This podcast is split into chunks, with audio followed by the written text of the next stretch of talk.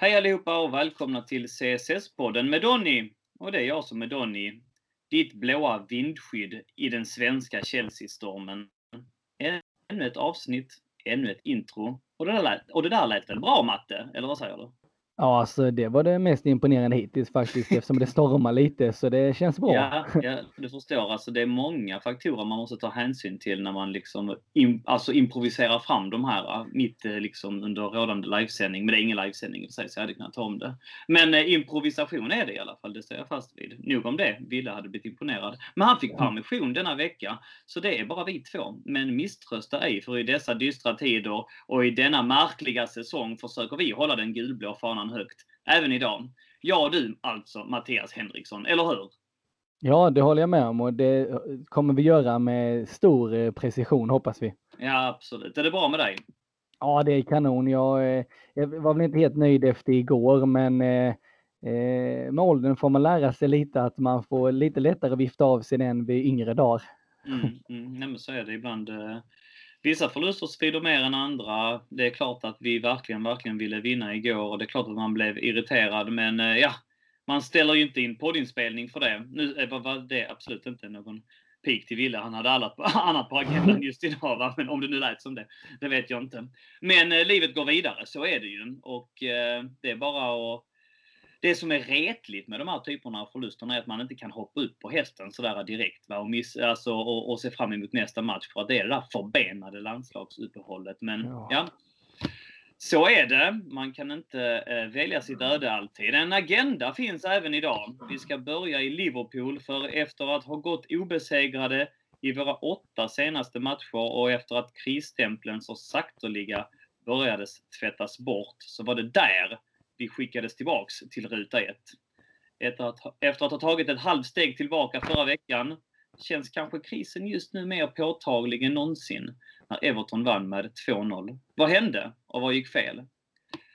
Krisstämpeln är som sagt nära och Sarri och hans Sarribal är återigen i stormens ögon. Italienaren uppges hänga löst och vi ställer oss frågan, är det här vi ger upp? Vissa håller dock fortfarande Sarri om ryggen och menar att det är spelarmaterialet det är fel på. Kan det ligga något i det? Och vilka är i så fall för dåliga? Ta på skyddsglasögonen när vi tar fram bandsågen. Vi ställer oss också frågan som finns på alla läppar, allas läppar just nu. Är topp 4 kört? Och efter att ha viftat bort Dynamo Kiev väntar Slavia Prag. Men vi kommer inte prata så mycket om den matchen. Vi måste också välja våra strider. De viftades bort.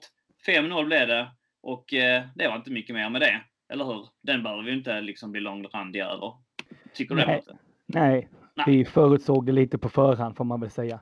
Ja, det, det and så äh, även en blind höna. Eller vad säger du? Ja, men, eh, nej, men alltså, att det sen slog ut så väl som det gjorde, det var väl inte förväntan. Det var väl ett av de sämre Europaprestationerna jag sett av ett lag i form av mm. Kiev där i inställningsfråga. Mm. Så eh, skönt att det inte var vi. Den relevanta frågan då är alltså, är Europa League vår mest realistiska chans just nu till Champions League-spel denna säsong? Dagen till ära har vi inte lagt ut en tråd för frågor på den eminenta CSS-poddengruppen på Facebook. Men däremot har diskussionen gått varm och det är just därför vi inte lagt ut någon tråd. För att vi tänker att vi dyker in i de diskussioner som finns där och ger vår eh, prägel på dem helt enkelt. Avslut, avslutningsvis så var jag i London i helgen på icke Chelsea-relaterade uppdrag. Jag skulle fira min bästa väns svensexa men passade på att möta upp en riktig supporterlegend, nämligen Stanford Chich. Intervjun spelades in i söndags och klipptes, klipps in i slutet av denna podd som en liten bonusgrej. Fantastiskt va? Tycker jag i alla fall. Om inte det får dig på bättre humör så är du en bitter människa med ett bittert liv och vi uppmanar dig då att sluta lyssna redan nu. För resten Hjärtligt, hjärtligt välkomna till avsnitt 11 av CSS-podden.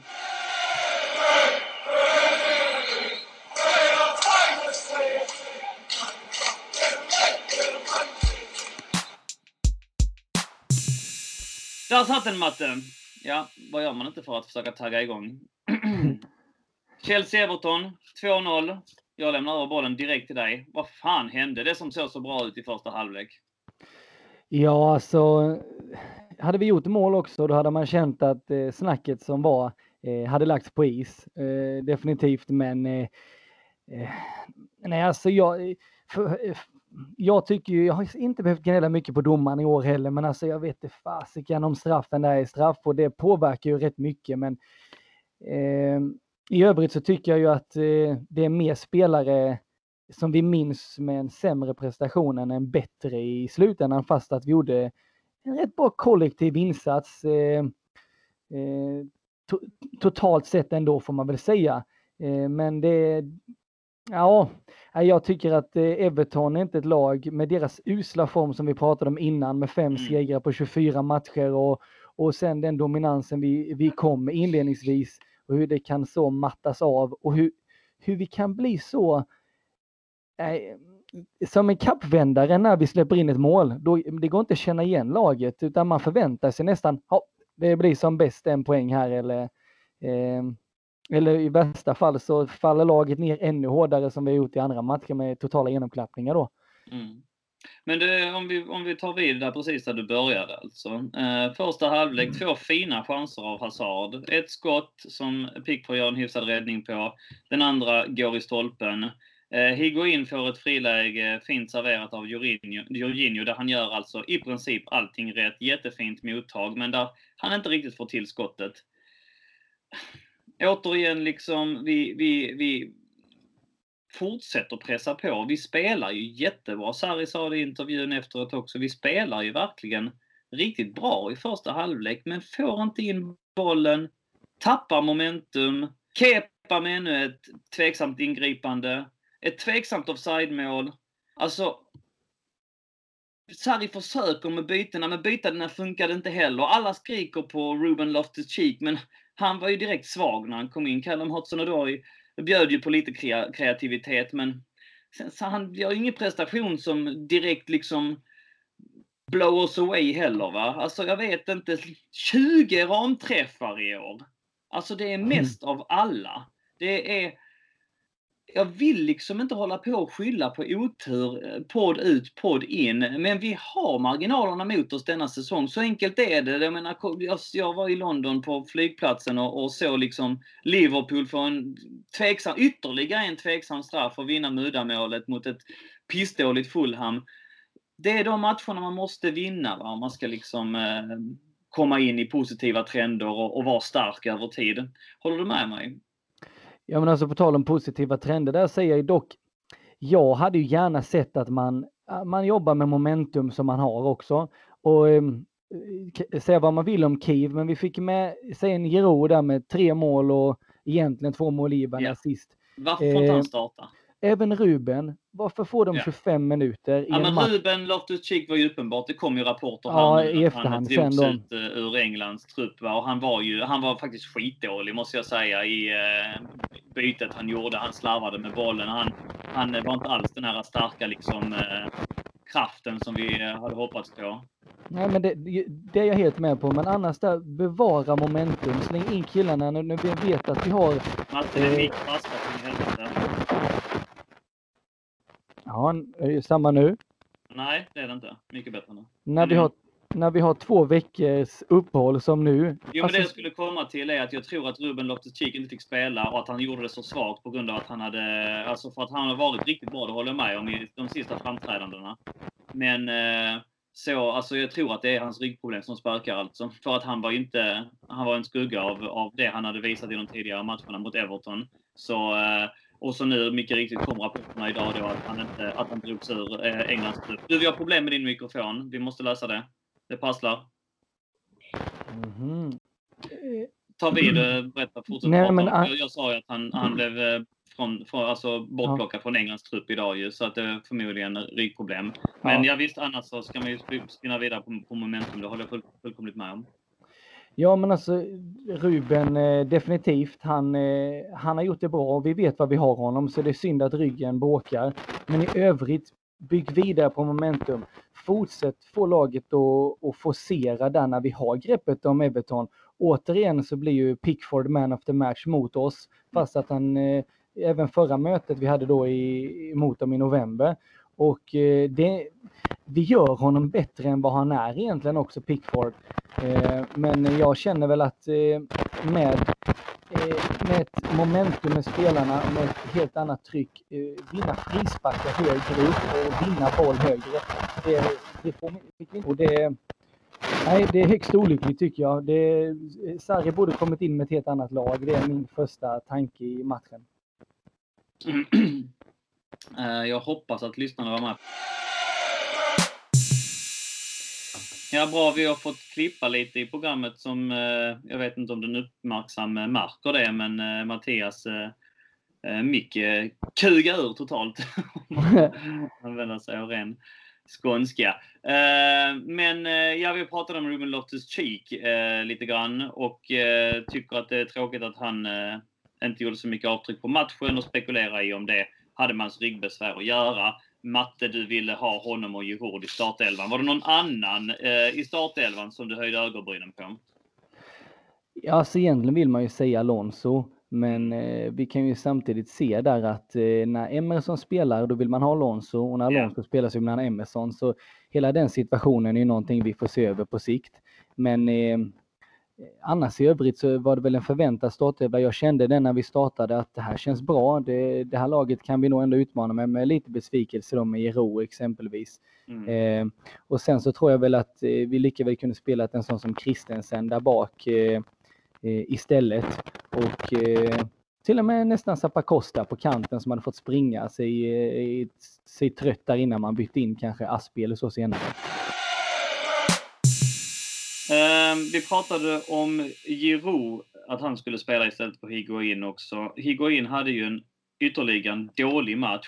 Ehm, lika mycket som att jag vill att han ska lyckas i Chelsea, lika mycket börjar jag alltså känna och inse att han är kanske förbi sin peak. Att han har vandrat liksom samma väg som så många andra anfallare i i hans ålder. Vi har sett det hända liksom på Torres och Falcao med, på väldigt nära håll när de kommer liksom där i 30 30-årsåldern att de börjar, börjar dala. Undrar om vi inte ser det på Lewandowski nu också. Um, hans rörelsemönster var under lupp i Match of the Day och han rör sig jättekonstigt, jättefel. Och uh, jag är trött på honom. Jag hoppas att han uh, att, att, han, att han spelar, att Sarri spelar Giroud lite mer framöver. Men att vi inte har någon liksom, kille som producerar de målen, det är ett problem. Ja, helt klart. Han kom för att han skulle göra mål och han gör inte mål. Ja, det gillar han. Vi hoppas på eh, Giroud framöver med andra ord.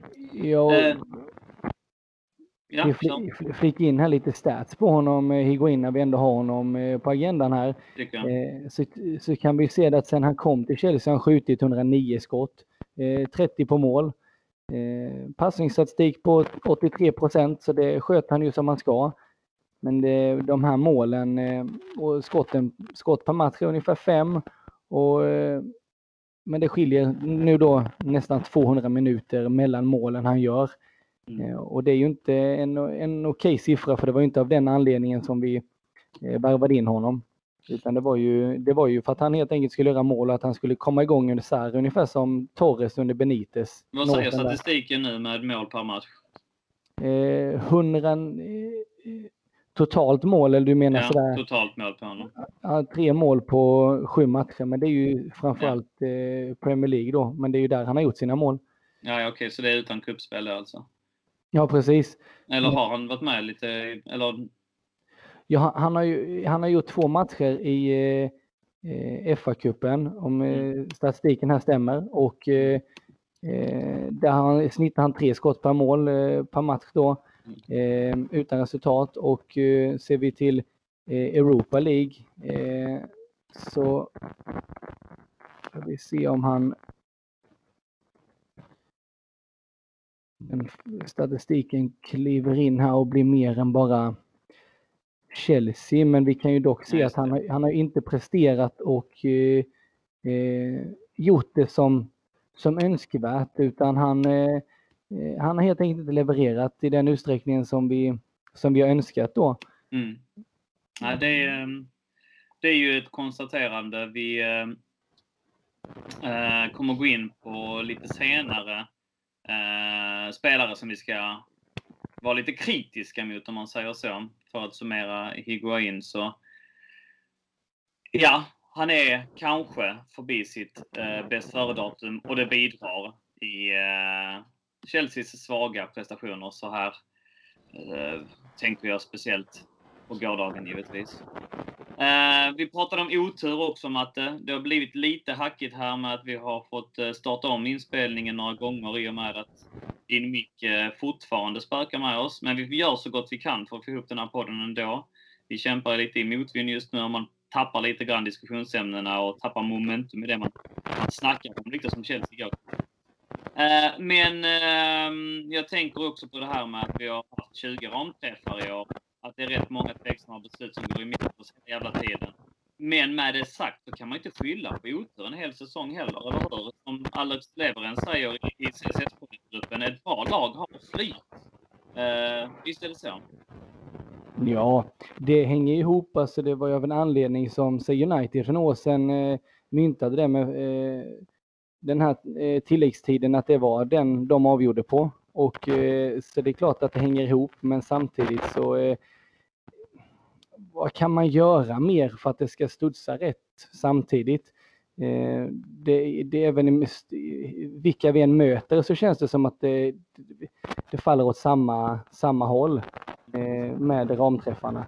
Och inte bara ramträffarna utan den här sista rätta decimetern. Och det, mm, det, nej, jag tror eh, ett bra lag har tur men, men eh, samtidigt så eh, vinner man också på individuell styrka ibland. Men inte ens det bräcker vi emellanåt heller. Mm, mm. Nej, så är det ju. Ehm, om vi går vidare i agendan, vi måste beta av lite mer och förhoppningsvis så har vi möjlighet att göra det om tekniken jobbar med oss. Ehm, Andra halvlek så kollapsar vi ju helt och hållet. Uh, Everton, Marco Silva sa att han var tvungen att ändra på allt i andra halvlek och tydligen funkade för Everton är inte dåliga i andra halvlek. De som sagt får en billig straff och, och, målet tycker jag faktiskt att Kepa måste, måste göra bättre på. Nu kommer jag få skit för detta i den gruppen igen, att jag alltid hatar honom. Det gör jag inte. Jag önskar mm. honom väl, men eh, det är ingen jättesvår nick. Alltså om du inte kan klistra den så måste du skicka ut den utanför stolpen i alla fall, inte bara trycka ut den rakt ut i gapet. Och, och det, det, är för många spelare som gör liksom halvprestationer, som inte liksom, säger inte att han var dålig på något sätt. Nu kommer folk säga att han räddade oss med ett fantastisk räddning eh, tidigare. Ja, ja, det var väl okej okay, liksom, lite tv-räddning sådär, men kom igen. Eh, säger inte bara återigen att det är bara han, absolut inte. Det är många, alltså när inte spelarna spelar bra, utan bara gör liksom nätt och jämnt sitt jobb, vilket jag upplevde var, var läget i andra halvlek. Man föll in i, eh, i fällan där man bara skulle liksom bygga vidare på det bra spelet eh, som man hade i första halvlek och så samtidigt som Everton skärpte sig riktigt ordentligt och så helt plötsligt började man sluta ta löpningar. Helt plötsligt så var man lite ofokuserade. Och det straffade sig. Likadant som det har straffat sig varenda förbenade gång den här säsongen när man liksom... Vi betalar ett dyrt pris för vår eh, liksom lack av... Eh, eh, koncentrationsmöjligheter och att vi inte liksom tar tillvara på våra chanser. Är det inte lite så? Jo, det instämmer jag i.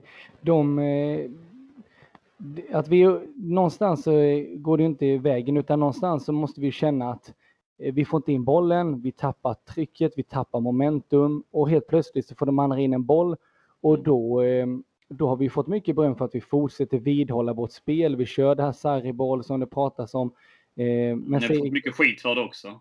Ja, absolut, men igår så ändrade vi det. Man såg ju oss slå en, alltså jag räknade det till en 6-7 långbollar på en sån här 30 meters distans och då såg man ju Sarri eh, vifta, stå ut och vifta med armarna och tydligt signalera varför skjuter ni iväg bollen. Ja. Eh, men jag kan nästan se en, en, samtidigt en vinst i den desperationen att vi vill framåt, vi vill, mm. Mm. Eh, vi vill demonstrera mer i matchen än vad, än vad vi visar ibland när vi bara kör det här runt eh, mm. Eh, passandet då. Så jag eh, Nej, men återigen, det är ju, alltså nu har det blivit, nu är vi uppe i alla fall en 5-6 matcher där vi i andra halvlek inte känner igen laget från första halvlek. Ja, det är konstigt. Och, ja, man är ju mer van vid ett Chelsea som reser sig i andra halvlek. Förr så kände man det, nej det är lugnt om jag missar första, jag kan komma till mm. andra, utan det är då det avgörs. Men det här är, det, eh, det, vad det kan bero på, det, jag menar vi spelar nya spelare, vi har, eh, han, eh, han kör ju inte på den här tiden, innan i början av säsongen hade vi ju rätt samma lag, rätt många matcher. Eh, men nu så har han en variation på det. Han spelar olika killar, olika turneringar, vi rör oss runt i världen. Men ändå så eh, tenderar samma tendens att komma hela tiden med att vi, eh, när vi väl faller så faller vi kollektivt på något vis. Ja. Um, det här skulle ju varit matchen som vi skulle avsluta, så vi skulle liksom studsa tillbaks efter att vi hade byggt en hyfsad rad här, som sagt med åtta matcher utan förlust och, och vi ja, gick på en liten plump som vi kallade förra avsnittet, ett halvt steg tillbaka, så skulle vi liksom köra över Everton och bygga vidare på det momentumet så att vi ändå skulle ha nio raka matcher utan förlust, gärna en vinst. Istället blev det förlust och så är vi tillbaks på, på riktiga krigsrubriker idag när man vaknar upp och skannar igenom den engelska pressen. Um, Daily Mail hävdar att, återigen då, att uh, Sarri hänger löst, att man funderar på att sparka honom. Man uh, står i valet och kvalet om man ska ha kvar honom säsongen ut eller om man ska göra sig av med honom just nu för att ta in Eh, mest troligt i så fall enligt källan Steve Holland som, eh, som ryktas då alltså vara den hetaste kandidaten. Att eh, ta över förmodligen interim i så fall. Ehm, vad tror du? Vad gör vi? Är det så illa? Bör Sarri sparkas här och nu? Bör han sparkas i sommar? Och eh, ja, vad händer? Först och främst vill jag säga det att jag tror inte på att eh, Holland skulle vilja komma. Jag tror han har det bra där han har det. Eh, men sen Sarri, absolut inte sparkas. Alltså, vi närmar slutet av mars i en sluttamp här och jag har svårt att se vad det skulle eh, vad det skulle tillföra. Eh, och, om vi nu ska sparka så måste vi ha en konkret idé vad vi tänker för nästa säsong. För de här interim har inte, det har inte fallit ut i god jord någon gång för oss. Mm. Eh, så det, det, tror jag absolut. Och jag menar han, som jag sagt innan, han har fått stöttning av både Guardiola och andra tränare att eh, en tränare måste få tid. Många har blivit kritiserade och Sarri har ju påpekat själv vilka eh, trender, eh, se Pochettino och Klopp och de visade sin första säsong i, mm. i en förening. Eh, och han, eh, eh och, och, det är ändå något han har signalerat, han har ändå kommit från eh, Eh, han kom ju med en spelidé. Han kom ju inte som en mästare Sarri. Och det skiljer honom lite från många andra tränare vi haft. Att eh, han, han värvades ju för sin ideologi. Det var egentligen det, det centrala och nu så ska vi bräda honom för den ideologin mer eller mindre i sådana fall. Utan eh, nej, jag tror definitivt på eh, jag tror på att Sarri ska vara nu och ett år till. Det, det, det, nej, så pass illa har det ändå inte eh, gått. Alltså, vi är ju med där uppe om Champions League-platserna kan vinna en, en tung Europatitel. Så ja, nej, och vi var i ligacupfinal, jag menar, och det är mer än Jag hör dig, jag hör dig. Det, och jag, jag håller ju någonstans med också. Va? Jag vill ju inte heller. Det är samma, återigen, jag har sagt det tidigare i podden, det är samma människor som skriker på hans avgång som sen säger att uh, hela problemet med Chelsea är att vi sparkar för mycket tränare. Mm. Alltså, så att uh, Ja, sen samtidigt så tycker jag absolut att man kan kritisera honom för hans brister va? och för hans liksom eh, trångsynthet i vissa lägen, att han vägrar liksom hitta en, en balans mellan eh, eh sitt, sin, sin spelidé och, och eh, en goal och kante och få ut det bästa av honom till exempel och lite sådana grejer. Vi, det här eh, eh, pratar vi också om lite senare i podden, alltså i det inklippta materialet med eh, Stanford Chich. Eh, väldigt bra infallsvinklar där som eh Eh, Stanford Chich menar att han är väldigt agnostisk mot Sarri. Han vill ju att det ska gå bra för Chelsea. Är det med Sarri, fine. Är det utan Sarri, ja, då, då får det vara det. Och det är väl lite åt det hållet jag också börjar gå. Va? Skulle han eh, sparkas, ja samtidigt så är det lite grann ett tecken på att det finns de där i klubben som agerar. De, de, de, de bryr sig även om det kanske inte är rätt beslut. Eh, de här besluten är ju väldigt, väldigt svåra att ta, men jag lutar ändå åt att nej. Och det största argumentet till att jag lutar åt att han inte ska sparkas, det är att vi måste falla tillbaks på att han fick ingen försäsong. Han eh, kom in väldigt sent. Han hade väldigt liten prägel på Eh, transfermarknaden och på vilka spelare han eh, hade möjlighet att få in. Och eh, det tycker jag väl bara liksom eh, common sense att han borde få, få eh, ja, åtminstone stanna till, till sommaren och försöka reda ut den här stormen själv. Något att tillägga? Nej, alltså han egentligen inte. Jag tycker, jag tycker du summerade väldigt bra och att, att han ska stanna till sommaren och sen tar vi det därifrån och ser framförallt vad som kan hända med mm. transferfönster eller vad som helst. Så då, eh, vi, vi är nöjda där båda två. Han, han ska stanna i alla fall till sommaren.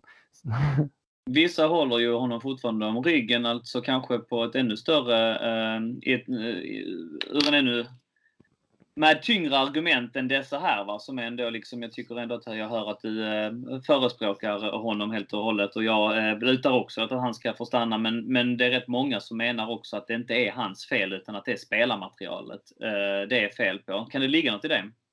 Ja, det är egentligen samma spelarmaterial vi hade som vi hade med eh, Conte där och han klagade på spelarmaterialet hela tiden. Mm. Eh, så sen givetvis har vi fått in storspelare som Kovacic och Jorginho och så vidare, men de, eh, de har ju heller inte riktigt presterat i den utsträckningen som, som man kanske förväntade sig på förhand.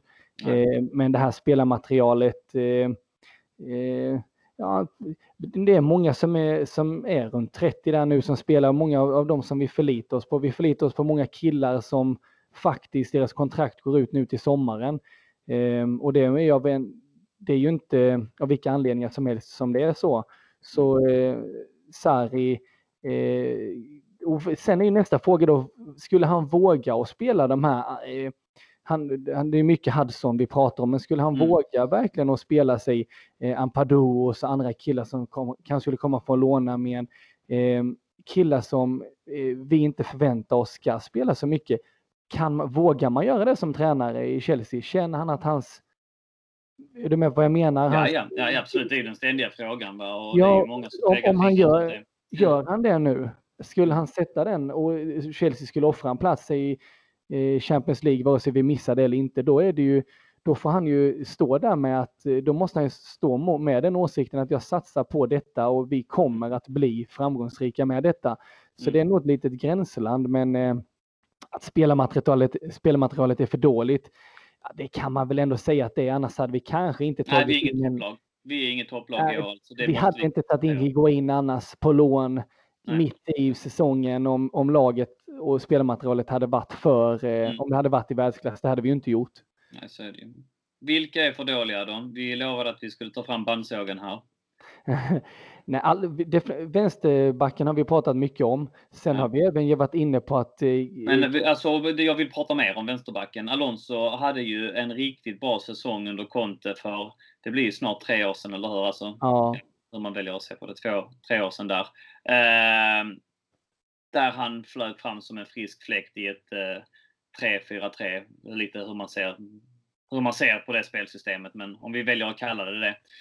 Men eh, har ju eh, haft två stycken ganska dåliga säsonger bakom sig. Den här säsongen, alltså det var en i CSS-podden-gruppen som jämförde honom som den tjocka killen på skolgården som folket springer omkring och gör narr av sådär och bara liksom springer runt. Mm. Jag har inte riktigt formuleringen framför mig men ja, jag var ju tvungen att fnissa lite och hålla med om det tyvärr alltså. Han, har, eh, han, var, han var bedrövlig igår mot Everton. Och tyvärr så är det inte liksom en isolerad match han har varit dålig utan han eh, det här är, verkar vara som att det är en eh, nivå för, för högt för honom. Han överpresterade under Conte och är nog inte tillräckligt bra helt enkelt.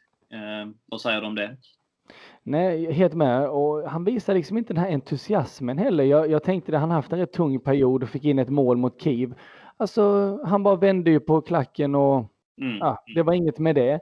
Mm. Och, och det, det, känns lite förvånande. Han borde liksom bara, fan vad gött, nu, är jag, nu, nu pumpar vi igång här liksom. Men han, eh, Alonso, eh, hans kroppsspråk är, det, han, hela han lyser eh, med ingen glädje och det, det tycker jag talar sitt tydliga språk och jag gick ju nästan så långt som att kalla honom för ett one-hit wonder, lite som mm. Mm. Victor Moses där under eh, Conte också.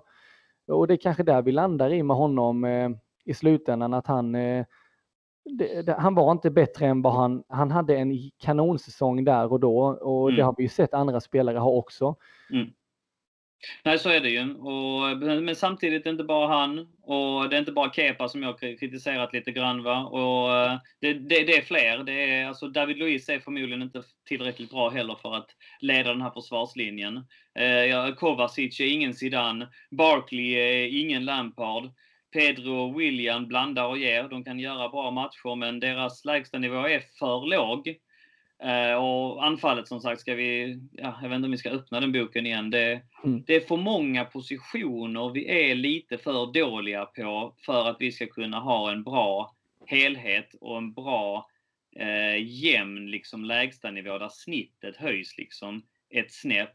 I min bok så har vi för få eh, världsspelare, för få riktigt bra världsspelare. Jag skulle säga att Rudiger går nog in i de flesta backlinjer. Kante, Hazard, Alltså, Aspilicueta har haft en svag säsong, men jag tror att alltså, hade man satt in honom i Barcelona så hade han gjort bra ifrån sig där. Va? Så att jag vill tro att det är ner, mer liksom omgivningen som har dratt ner honom lite grann. Men sen är det inte mycket mer. Håller du med om det? Definitivt. Jag känner ju med att eh, eh, även en, dock en sån som Hazard, alltså han, han tycker jag ändå man kan Alltså vi pratar med en kille som ska till Real Madrid som ska ersätta lite Ronaldo. Han ska vara bäst. Alltså, han ska kunna springa förbi och göra ett mål i matcher mot lag som har dålig form. Eh, och, och, vi måste kunna, jag menar, vi, många vill jämföra honom med säg, både Messi och Ronaldo. Jag menar, de gör ju nästan poäng i, i varenda match. Eh, Nej, och, riktigt på den nivån är han inte, det får man ju säga.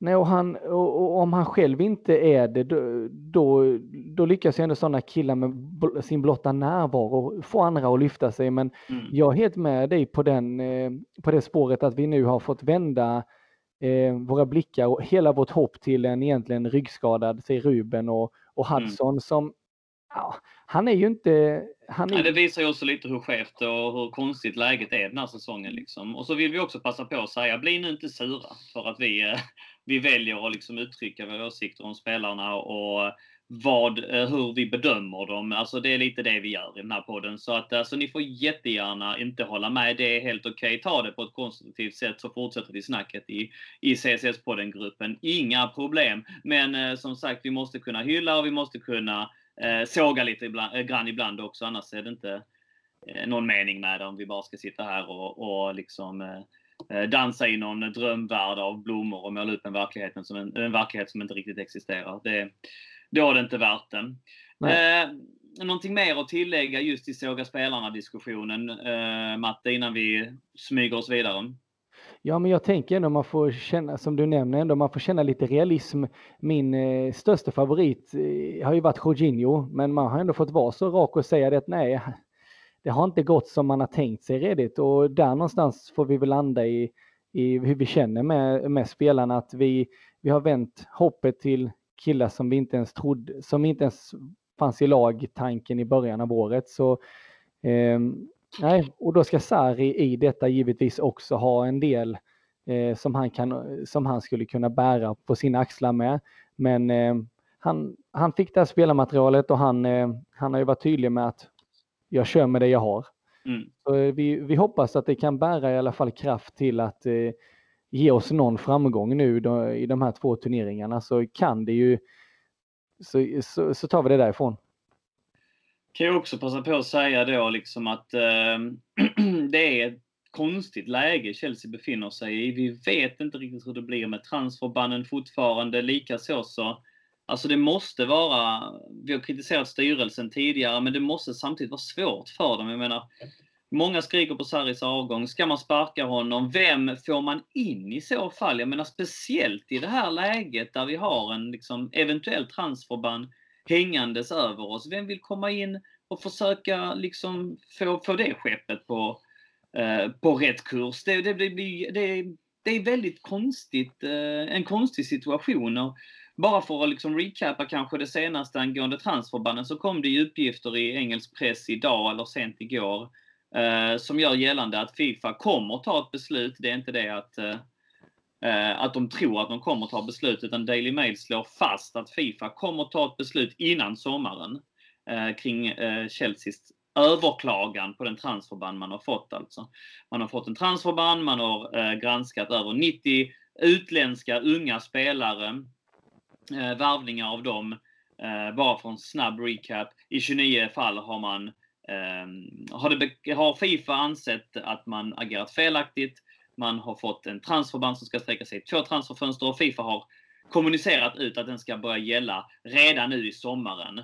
Ehm, um, Chelsea motsätter sig detta. De säger att de inte har agerat någonting fel och de säger framförallt att man borde åtminstone få ett fönster på sig innan man förlikade sig med den här banden. Att den borde frysas medan man eh, vill få sin rätt eller sin, få sin ståndpunkt omprövad ska jag väl säga, att de inte har gjort någonting fel och sådär.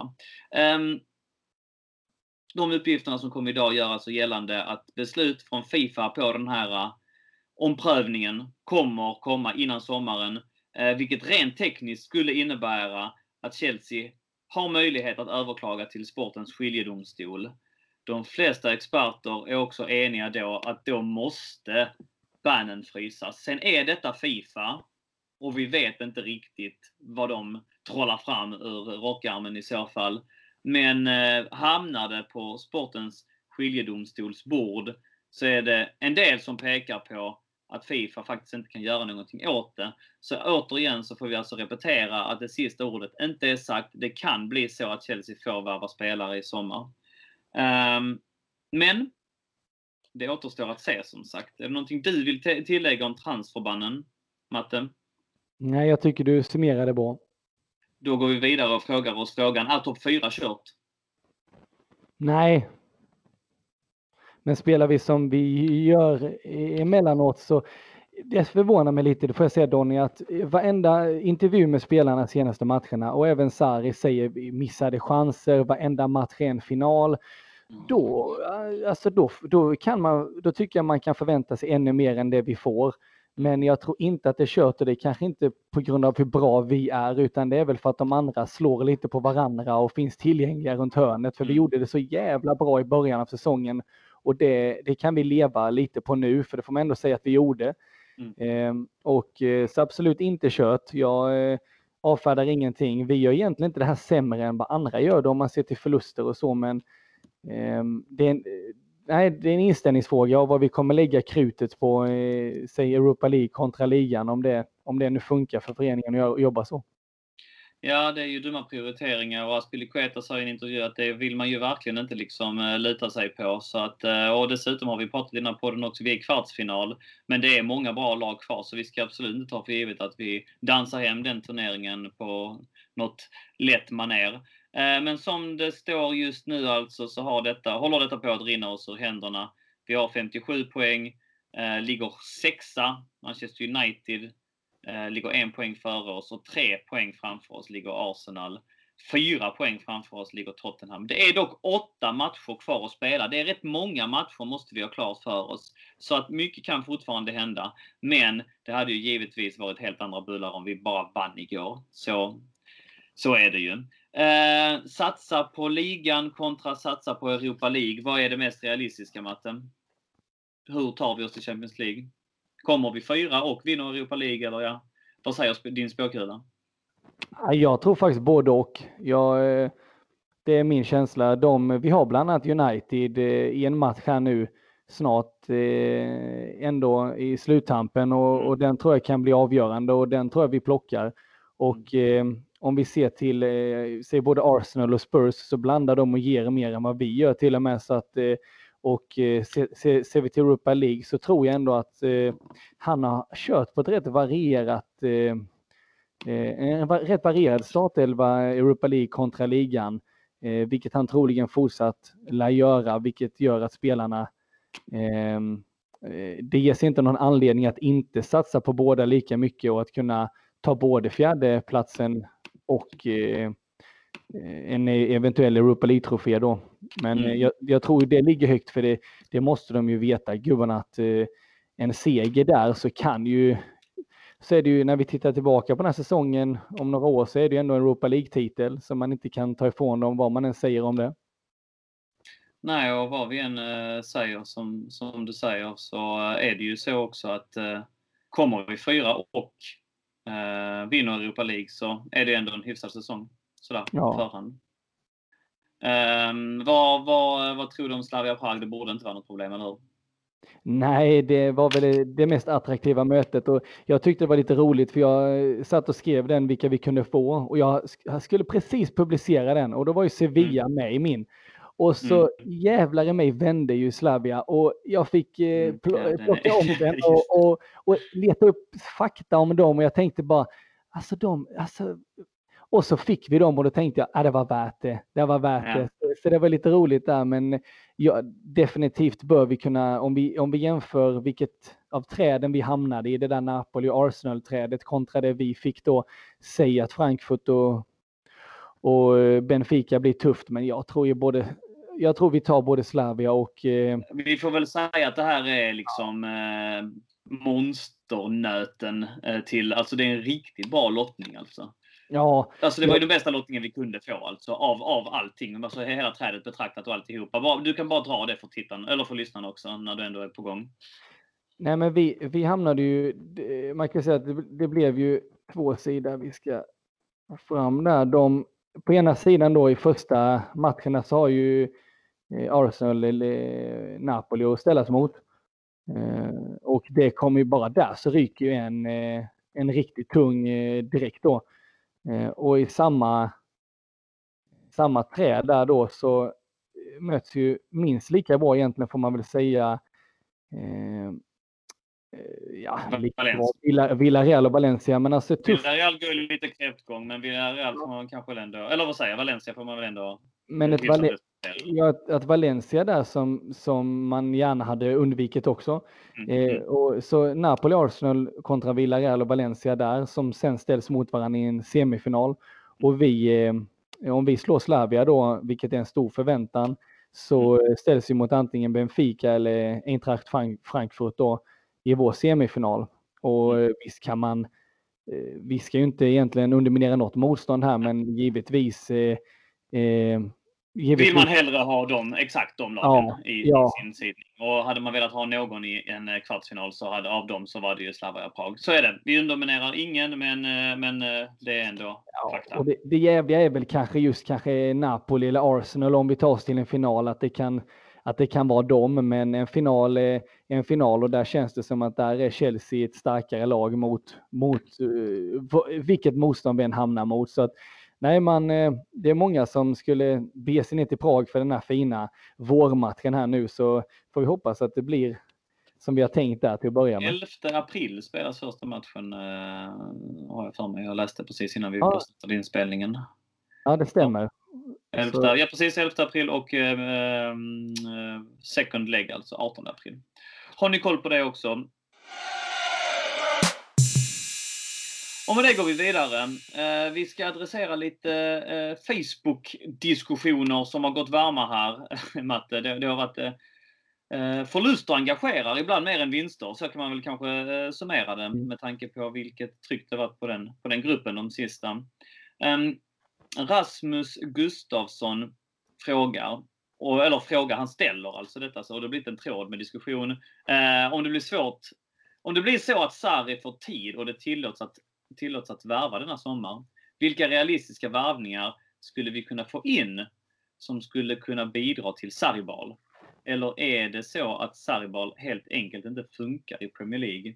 Jag velar väldigt fram och tillbaka. Och Rasmus, jag velar också. Ska också passa på att Kevin Stålberg ställde en liknande fråga för någon podd sen som vi faktiskt misstolkade och gjorde en annan fråga av. Och det påpekade han mycket riktigt efter sändningen till mig i ett privat meddelande. Så eh, mina ursäkter går ut till dig Kevin. Eh, men som sagt, du hade ju en väldigt snarlik fråga där som, som löd ganska exakt eh, som Rasmus. Så vi passar på att göra rätt för oss nu då. Några realistiska varvningar du har i lupen, Matte? Eh, alltså, det är inte, för att just anpassa sig till Saris eh, spel så kan man ju se definitivt ett par killar. Eh, och framförallt eh, en som jag gillat mycket, som jag hade mer tänkt innan var på gång, det var ju en sån som Isco. Mm. Eh, lite under isen, eh, inte redigt, inte redigt eh, fungerat, men Zidane, det var ju Zidans, man får säga lite kelgris innan och nu kommer Zidane tillbaka. Mm. Däremot får de ett överfullt mittfält om de får tillbaka Kovacic också och tänk, släng in en Hazard där också. Alltså mm. om vi ska resonera lite så, då, då kan han bli överflödig. Så han tror jag absolut på, men eh, även Det tror han... inte jag för övrigt. Jag, tror jag, jag måste bara flika in, jag tycker han är fett överskattad. Jag vill inte ha honom. Ja, nej, jag gillar honom. Isco disco. Nej, de, eh, sen har vi ju, jag tycker, jag hamnade ju nere i Tyskland eh, för några månader sedan och såg eh, Frankfurt spela då i Europa League. Och det var inte bara han Luka Jovic de hade, utan de hade ju någon till snubbe från Balkan där. Och jag tänkte det, här går det undan. Ungefär samma känsla som jag fick när Ajax spelade. Däremot känner jag att de hade med sin speed och sin rörelse fungerat. Däremot kan det vara sådana killar som fungerar på ett ställe passande där och då i, ett viss, i en viss rytm. Eh, mm. annars så tror jag att eh, eh, jag kan frångå helt eh, just de här stabila och jag tänker mig nästan alltså det som har fungerat bra i Chelsea senaste åren, så anfallsmässigt, så det har varit sådana här killar som eh, Costa och Drogba och det, och det som vi har närmast i ligan där, det är ju en till exempel Mitrovic. Säger man vad, vad man vill om den killen alltså. Men 24 bast och eh, han, Fulham kommer ju åka ur. Mm. Eh, mm. kommer vara billig som fan. Mm. Och, eh, och jag tänker, varför inte få in en sån kille, kanske inte som eh, första alternativ, men i alla fall som en, som en kille som vi kan ha som trycker runt där i, i mm. anfallet och som ger lite jävla namn när det behövs. Eh, Nej, jag hade tagit honom alla dagar i veckan. Jag håller med dig. Det är ju frågan med hans psyke. Va? Men å andra sidan har vi haft på gränsen spelare tidigare i Diego Costa. Det gick ju bra. Så att eh, det finns ju eh, de fallen där de faktiskt tar sig samman också. Och eh, det hade man hoppats i ett sånt fall. Jag håller med dig helt och hållet. Jag tycker han är riktigt grym och med lite bättre spelare runt omkring sig så hade han nog kunnat uh, göra ett avtryck i, i Chelsea. Ja, annars så eh, Mbappé och det hade ju funkat med. Nej, så, ja, då, ja. det är orealistiskt. Men som, som, som de sa här på, på poddengruppen när det var någon Christian eh, listade några stycken och så, och så eh, är det Daniel då Alguren som skriver tyvärr för optimistiskt då många av dem inte kommer att gå med på Europa League. På att spela, mm. så att vi kommer att spela Europa League. Och så skriver Christian, ah sorry, missade att det stod realistiska. Och då hade han, alltså, eh, då hade han listat eh, eh Nicolas Pepe, Alexandro, De Ligt, Kimmich, Isco, då säger han, ah, sorry, missade att det stod realistiska. Då kan vi nog förvänta oss Pappi och marinvarvningar mm. igen. det, var, det var lite, lite kul, men ändå så tråkigt. Ja, så är det ju. Men eh, vad sa du, Nå någon annan? Eh, Alexandra har vi ju liksom ryckt i rätt mycket. Och ja. på vänsterbacken måste vi förstärka, det har vi kommit överens om. Det hade ju, det hade ju vattnats i munnen va? Ja, men eh, framförallt det, men även eh, se över lite vad kan vi framförallt hämta nerifrån. Det har vi också varit inne på tidigare med. Eh, vad som finns nerifrån och framförallt plocka bort överflödiga killar. För får vi inte undan dem, då får vi heller inte in, in den här nya kraften. Mm. Eh, ja, men jag tror att ska han, ska, är det han som ska träna eh, Sarri, då är det ju, då är det ju ändå, vi ser ju han vill ha sin spelidé med, eh, med två, precis som i Napoli, med sig två yttrar och så någon form av, eh, han vill ha en kille egentligen som petar in bollen där framme. Säg en Diego Costa gå in eller vad det nu än är. Mm. Eh, och eh, han hade nog valt att egentligen spela Hazard längst upp, men det, det möts av rätt mycket kritik. Och ser vi till att han tänker så, då får vi även se, kommer, vad kommer han, Pulisic ska ändå komma in i laget, det, det får vi inte glömma. Eh, I övrigt så tror jag att den den spelidén och det tankesättet han har, Sarri, jag är osäker på hur mycket mer han ens hade velat värva. Men ehm, för jag, jag tänker mig att han, han känner att det är en rätt stabil eh, uppsättning. För det påminner mycket om det han har i Napoli. Men det tror jag inte. I januari så var han så bitter att han inte fick in liksom en, en till defensiv mittfältare. Så han, ja, han sa ja. ju det i början när han kom, men sen så har han ju vacklat lite grann på den punkten. Så jag tror nog han är medveten om att eh, han inte sitter i någon guldsits direkt med spelarmaterialmässigt. Så att han Nej. hade nog... Ja, du har rätt där, precis där med att han har till, till exempel slängt in Kovacic och så vidare där i där Fabregas och Jorginho byttes innan exempelvis då. Men, eh, nej, ja, men om vi ser på de killarna som säger Christian eh, lyfter där som du tog upp dem så är ju det definitivt intressanta namn som han belyser och, och hitta killar i Bayern München är inte fel för det är ett lag som är lite på dekis. Mm. Så där, eller det är väl fel att säga, men de är ju, ska genomgå den största generationsväxlingen av alla lag kanske och, och får inte till det, det där sista. Så där kanske man ska kanske vända blickarna mot just eh, Tyskland och se vad man kan hitta. För där finns många lag, säg likt Dortmund, som påminner lite om spelsätt likt det vi har. Men eh, nej, det, jag, inga bortkastade värvningar som Marin och så vidare. Utan, kan ju eh, också säga det att det är ju väldigt eh, få rykten eh, just nu. Så att ja. här, här blir det lite att man skjuter från höften och, och drömmer sig bort och önsketänker en hel del. Aaron van Bissaka såg jag i helgen. Jag var som sagt på svensexa och vi hade biljetter till Watford Crystal Palace. Um, och um, det var trevligt, aldrig varit på Vicarage Road tidigare. Uh, 2-1 slutade matchen till Watford. Men i Crystal Palace spelar alltså Aaron van Bissaka och gör det riktigt bra. Det är en riktigt bra uh, ytterback. Enda problemet är att han är högerback och vi har gått igenom det tidigare. Egentligen behöver vi inte förstärka högerbacken för att vi är ganska trygga med Aspilicueta och vi är, uh, hoppas ju på Reece James, eller hur? Ja, så ja. ja, det faller ju lite grann där. Någon annan innan vi lämnar detta? Nej, det, det, nej det, eftersom det mesta är spekulationer och de killarna, vi, först och främst har det också varit mycket som har tagits upp i, i de här forumen eh, med killars vara eller inte vara. Eh, ska vi satsa på Louis, eh, Giro, Pedro?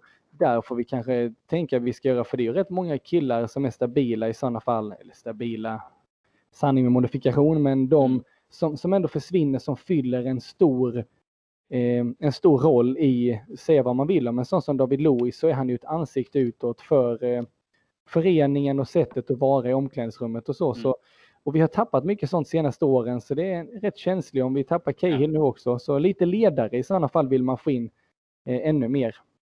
Ja, är det någon du droppar där då, ett namn? Vem skulle det vara, liksom ledare som skulle komma in och ta ett sånt ansvar i omklädningsrummet? Det är svårt alltså. Ja, nu känner man ju att man ångrar det man sa. så, eh, nej men Mitrovic då? Nej. ja, ja, ja. Nej, men det kanske. På, För på de... sikt alltså, skulle han liksom stanna liksom i tio år så kanske det är en framtid. Vi, har, vi sätter vårt vår, våra förhoppningar till Mitrovic helt enkelt. Innan vi bara lämnar, slänger in Gareth Bale i uh, mixen. Ja, mest det. för att jag anser att det är en realistisk eventuell värvning. Va? Han eh, hade kunnat tänka sig en sista veva, eh, kanske en sista fyraårssession någonstans. Va? Han är 29 år. Han eh, gillar nog inte att Zidane är tillbaks i Real Madrid. Och det har ryktats en del om att han ska tillbaks till Premier League. Kanske framförallt till Manchester United. Men hade du tagit honom? Ja, definitivt. Ja, eh, tveklöst. Alltså en kille som avgör en Champions League-final med Bicicleta för något år sedan. Det, det är inte med att tveka på. Och han kan England också. Han kan London. Så att eh, definitivt, och han kan nog bidra med allt det som vi hade önskat om så bara i två år eller tre. Eh, vi går vidare och eh, adresserar, eh, vem var det nu du, du, du, Stefan Haupt. Jag tycker det hade varit intressant med en genomgång och diskussion om Premier Leagues domare, med Chelsea-vinkel förstås passande läge nu när det är uppehåll och kanske skönt att prata om annat när resultatet inte går som man önskar. Jag gillar sådana här typer av frågor och den här bollade vi upp eh, till dig precis innan sändning och där har du kollat upp lite grann, eller hur? Ja, precis. De, eh, och det var ju rätt intressant. Statistik rätt lättillgänglig eh, också får sägas. Eh, men vi kan ju se då eh, domarna som har, den domare som har dömt Chelsea faktiskt flest gånger någonsin, för det var inte en specifik fråga ska vi säga här av Stefan, stämde det? Som, eh, som riktades just mot denna säsongen, men vi tänker att vi, vi riktar in oss mot den. Eh, men annars är det Mike Dean som har dömt oss flest gånger eh, eh någonsin då. Och eh, med hela 62 eh, matcher. Det är mer än alla de här Graham Pole, ni vet de här gamla klassikerna och Howard Webb, Phil Dowd, Mark Clattenburg. Så han är, han är före med liksom 20 matcher före närmsta. Så ja. att, eh, och, och, han dömer fortfarande, det gör nog ingen av dem. Nej, som Nej alltså, så, så han... sig. Och så sägs det att eh, vi har 36 vinster med Mike Dean, 15 oavgjorda och 11, 11 förluster. Då, så att eh, han är en fördel när han dömer oss. Eh, men se, ser vi då till årets eh, Premier League-säsong så är ju den mer lite, lite mer orutinerade Craig Pawson. Eh, jag fick upp ett ansikte när jag tänkte att ah, det är Craig och så det stämde att det var han men det är värt att googla. Han lille råttan eller? Ja, kan man kan säga. Och han, han har ju dömt oss fyra matcher då. Och det har blivit faktiskt fyra segrar. Eh, så. Och, så han eh, eh, i årets Premier League då ska sägas. Och eh, sen är ju Mike Dean och sen rad, rad domare. Jonathan Moss eh, har ju för övrigt dömt oss eh, flest gånger i år om man räknar med kuppspel och sånt där. Så är han uppe på... Jag, googlade precis Craig Paulson. Det är inte alls han jag tänkte på. Han är inte så jäkla liten. Uh, ja, men jag, jag, köper resonemanget ändå. Där. Så, uh, men ser vi då till uh, säsongen totalt så ser vi att uh, Jonathan Moss har ju dömt oss flest gånger. Men faktiskt mm. av sex matcher så har vi tre förluster med honom. Så att han har inte bringat någon större glädje detta året. Eh, det har att göra med att han inte är en särskilt bra domare också. ja, det är kanske signifikativt att han slängs in på matchen med oss här, men eh, annars så eh, är det rätt jämnt om det. det vi har ju haft en... Eh, eh under året här så får man ju... De flesta snittar ju på en två, tre matcher som de dömer oss och det är ju i stort sett är ju mycket, eh, om vi tittar i Premier League, till våran fördel med, mm. med besluten eh, både straffar och vi har ju fått bland annat eh, av eh, Paul Tierney eh, två straffar med oss och det, det sticker ju ut i, i mängden då. Eh, mm. Så det, och det är ju, om det stämmer då så har vi bara fått två straffar mot oss. Så det var ju någonting vi, eller två straffar som har suttit emot oss. Eh, nu får man ändå säga att det, kan, det stämmer nog. Två, match, två straffar tilldömda till andra laget mot oss då. Jo, det stämmer. Så det har ju varit mer till vår fördel med straffar denna säsongen än eh, motsatsen då. Man kan inte tänka sig, för att man, känns ju ändå liksom uh, som att det är många domslut som går emot oss och många halvgrejer, som, men det kan du göra ändå ju. Vem är den sämsta domaren i Premier League då, Martin? Eh, alltså jag har ju, jag får Förr tyckte jag Mike Riley Sen eh, så blev han ordförande för hela skiten. Så eh, jag, jag, jag, får, alltså, eftersom att Mike Dean dömer oss mest så blir han ju procentuellt den man tycker är... Jag tycker fortfarande att han saknar så mycket... Eh, alltså det här ponduset, det här liksom att det känns inte som att han bestämmer över spelarna och hans sätt att bestämma över spelarna det är att ge dem kort, för det är han ju bra på. Han skulle bli hyllad för det för ett tag sedan för att han har delat ut si och så många röda och gula kort. Um, men annars så, eh, den som blir med, om vi, ja det får jag ändå säga Mike Dean och, och däremot kan man tycka att en sån som eh, vad heter han, eh, Oliver, Michael Oliver där som dömde FA-cupen med att han kanske får för mycket positivt just kanske för sin ringa ålder då att han fick ju döma redan 2000, eh, 2010 ser jag här, hans första match 24 år gammal. Det är ju jäkligt imponerande. Eh, men annars så eh, tycker jag att vi har. Jag kan säga om Michael Oliver att jag tycker han är sämst i Premier League. Jag hatar ja. honom. Jag, jag gillar inte honom överhuvudtaget. Jag har inte gillat honom sen han dömde den här pisstraffen i eh, Champions League-playoffen när Leicester mötte Watford. Och, och det är liksom, det är en sån jäkla löjlig straff han tar i matchens absolut sista slutskede. Det är liksom bara en halv minut kvar. Och eh, det sjuka med den är ju, om du kommer ihåg den, den har ju vevat på Youtube några gånger, ja. att, att eh, Almunia, tror jag det som står, tar straffen, eh, bollen studsar ut och det blir en kontring och Troy Deeney gör mål på andra sidan istället så att Watford går upp i Premier League. Ja. Eller om de gick vidare till final eller hur det nu var. Jag kommer inte riktigt ihåg. Men, men jag kommer ihåg att jag blev så jävla tosig på Michael Oliver för det är så jäkla löjlig straff. Och att bara ta den i slutet där för att visa att man är domare och att man visst det kan ta tuffa beslut. Det har blivit någon jävla trend nu känns det som. Och han gjorde ju eh, för övrigt Sola som tränade Watford då. Ja, det stämmer. Vilket gjorde mig ännu mer irriterad, för jag satt ju och höll på, på Watford då ju.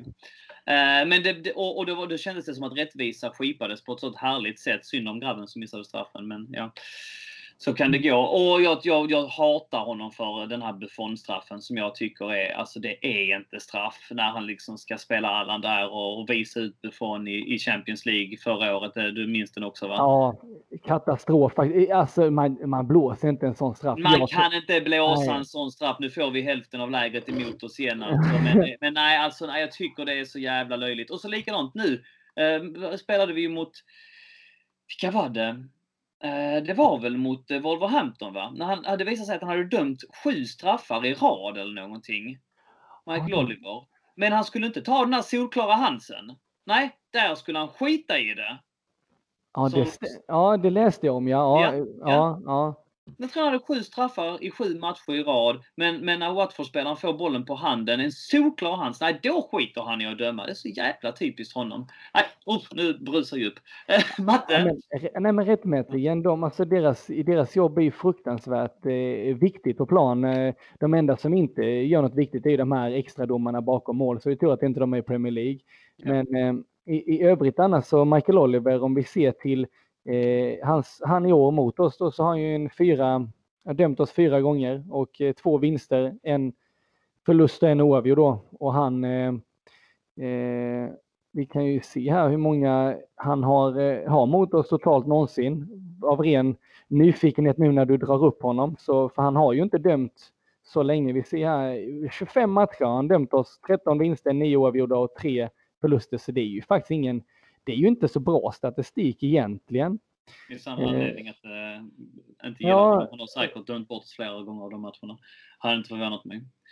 Alltså de, nej, de, de spelar en stor roll och eh, domarna där och han eh, det känns som att när de väl blir hyllade, vi, säger, vi, vi har ju landat, kanske de tre senaste mest hyllade i England har ju varit eh, Howard Webb, sen Mark Clattenburg hamnade mm. ju där och sen nu då Michael Oliver. Och, och, när de väl hamnar på den här jäkla agendan, då sitter de där. Då är det, äh, det är Englands bästa och de får fan allt.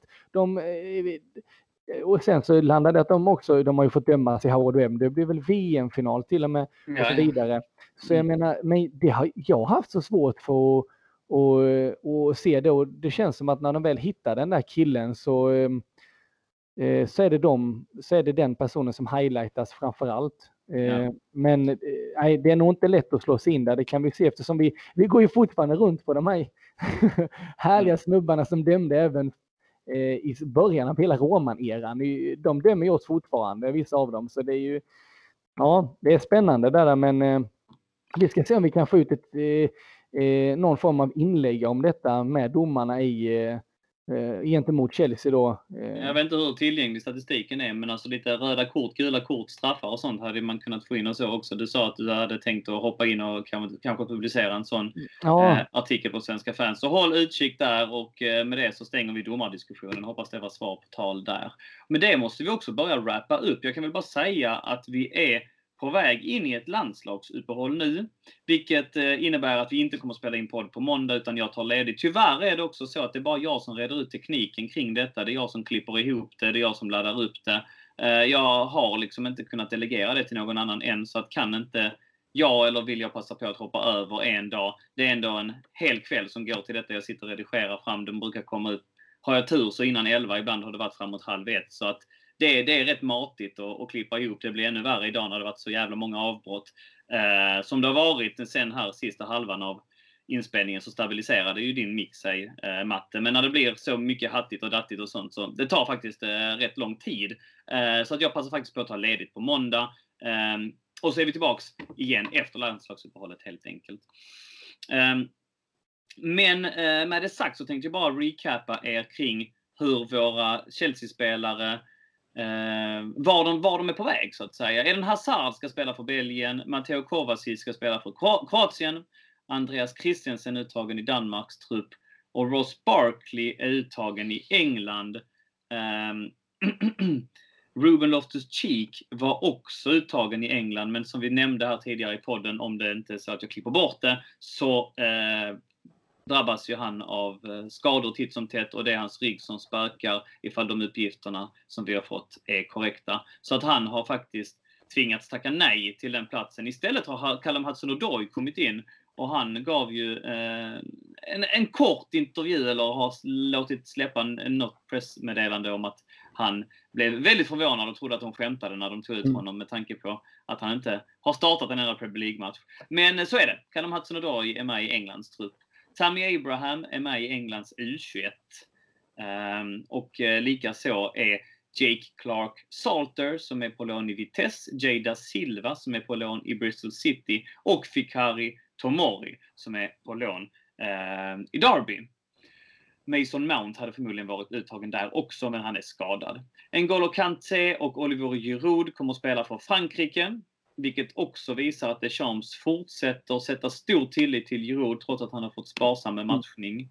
Eh, det går tydligen att vinna VM, VM med honom, så kanske, kanske Sarri borde satsa på honom lite längre, eller sista delen av, av säsongen här. Antonio Rudiger är uttagen i Tyskland, Jorginho är uttagen för Italien, Kepa Arrizabalaga är uttagen eh, i Spanien. Likaså är eh, Alvaro Morata, som också är på lån alltså, uttagen i Spaniens trupp.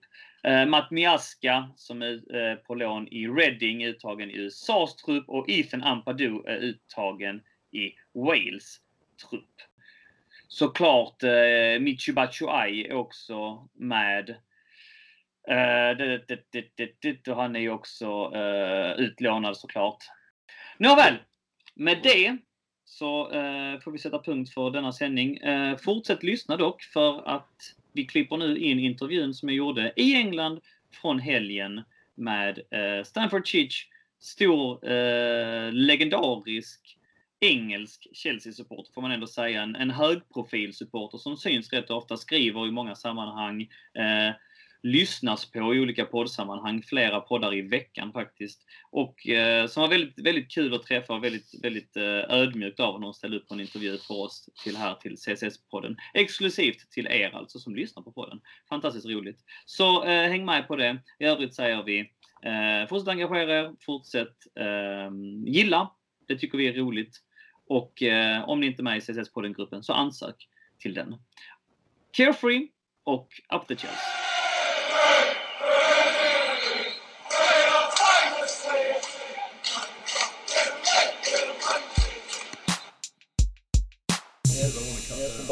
That's you know um, status quo, isn't it? Yeah. we, we want to get back to the Champions League now, don't we? So it's just it has. Actually, you know what? Seriously, Daniel, it's been a nightmare this season. Yes because it's just screwed up. I've started to record, yeah. by the way. So oh, if you, you, want to have you, uh, hold your microphone, yeah, so sure. we can have some of these right. interviews as well. Intro it or something? No, no, I will, I will, I will. But let's just uh, wrap this conversation. Okay, how's how's the sound on that? It, all right. It's all right. Yeah, I can okay, because I, I, can be quite loud. So that, that's all right. I'll know. adjust it later on. it's not that important.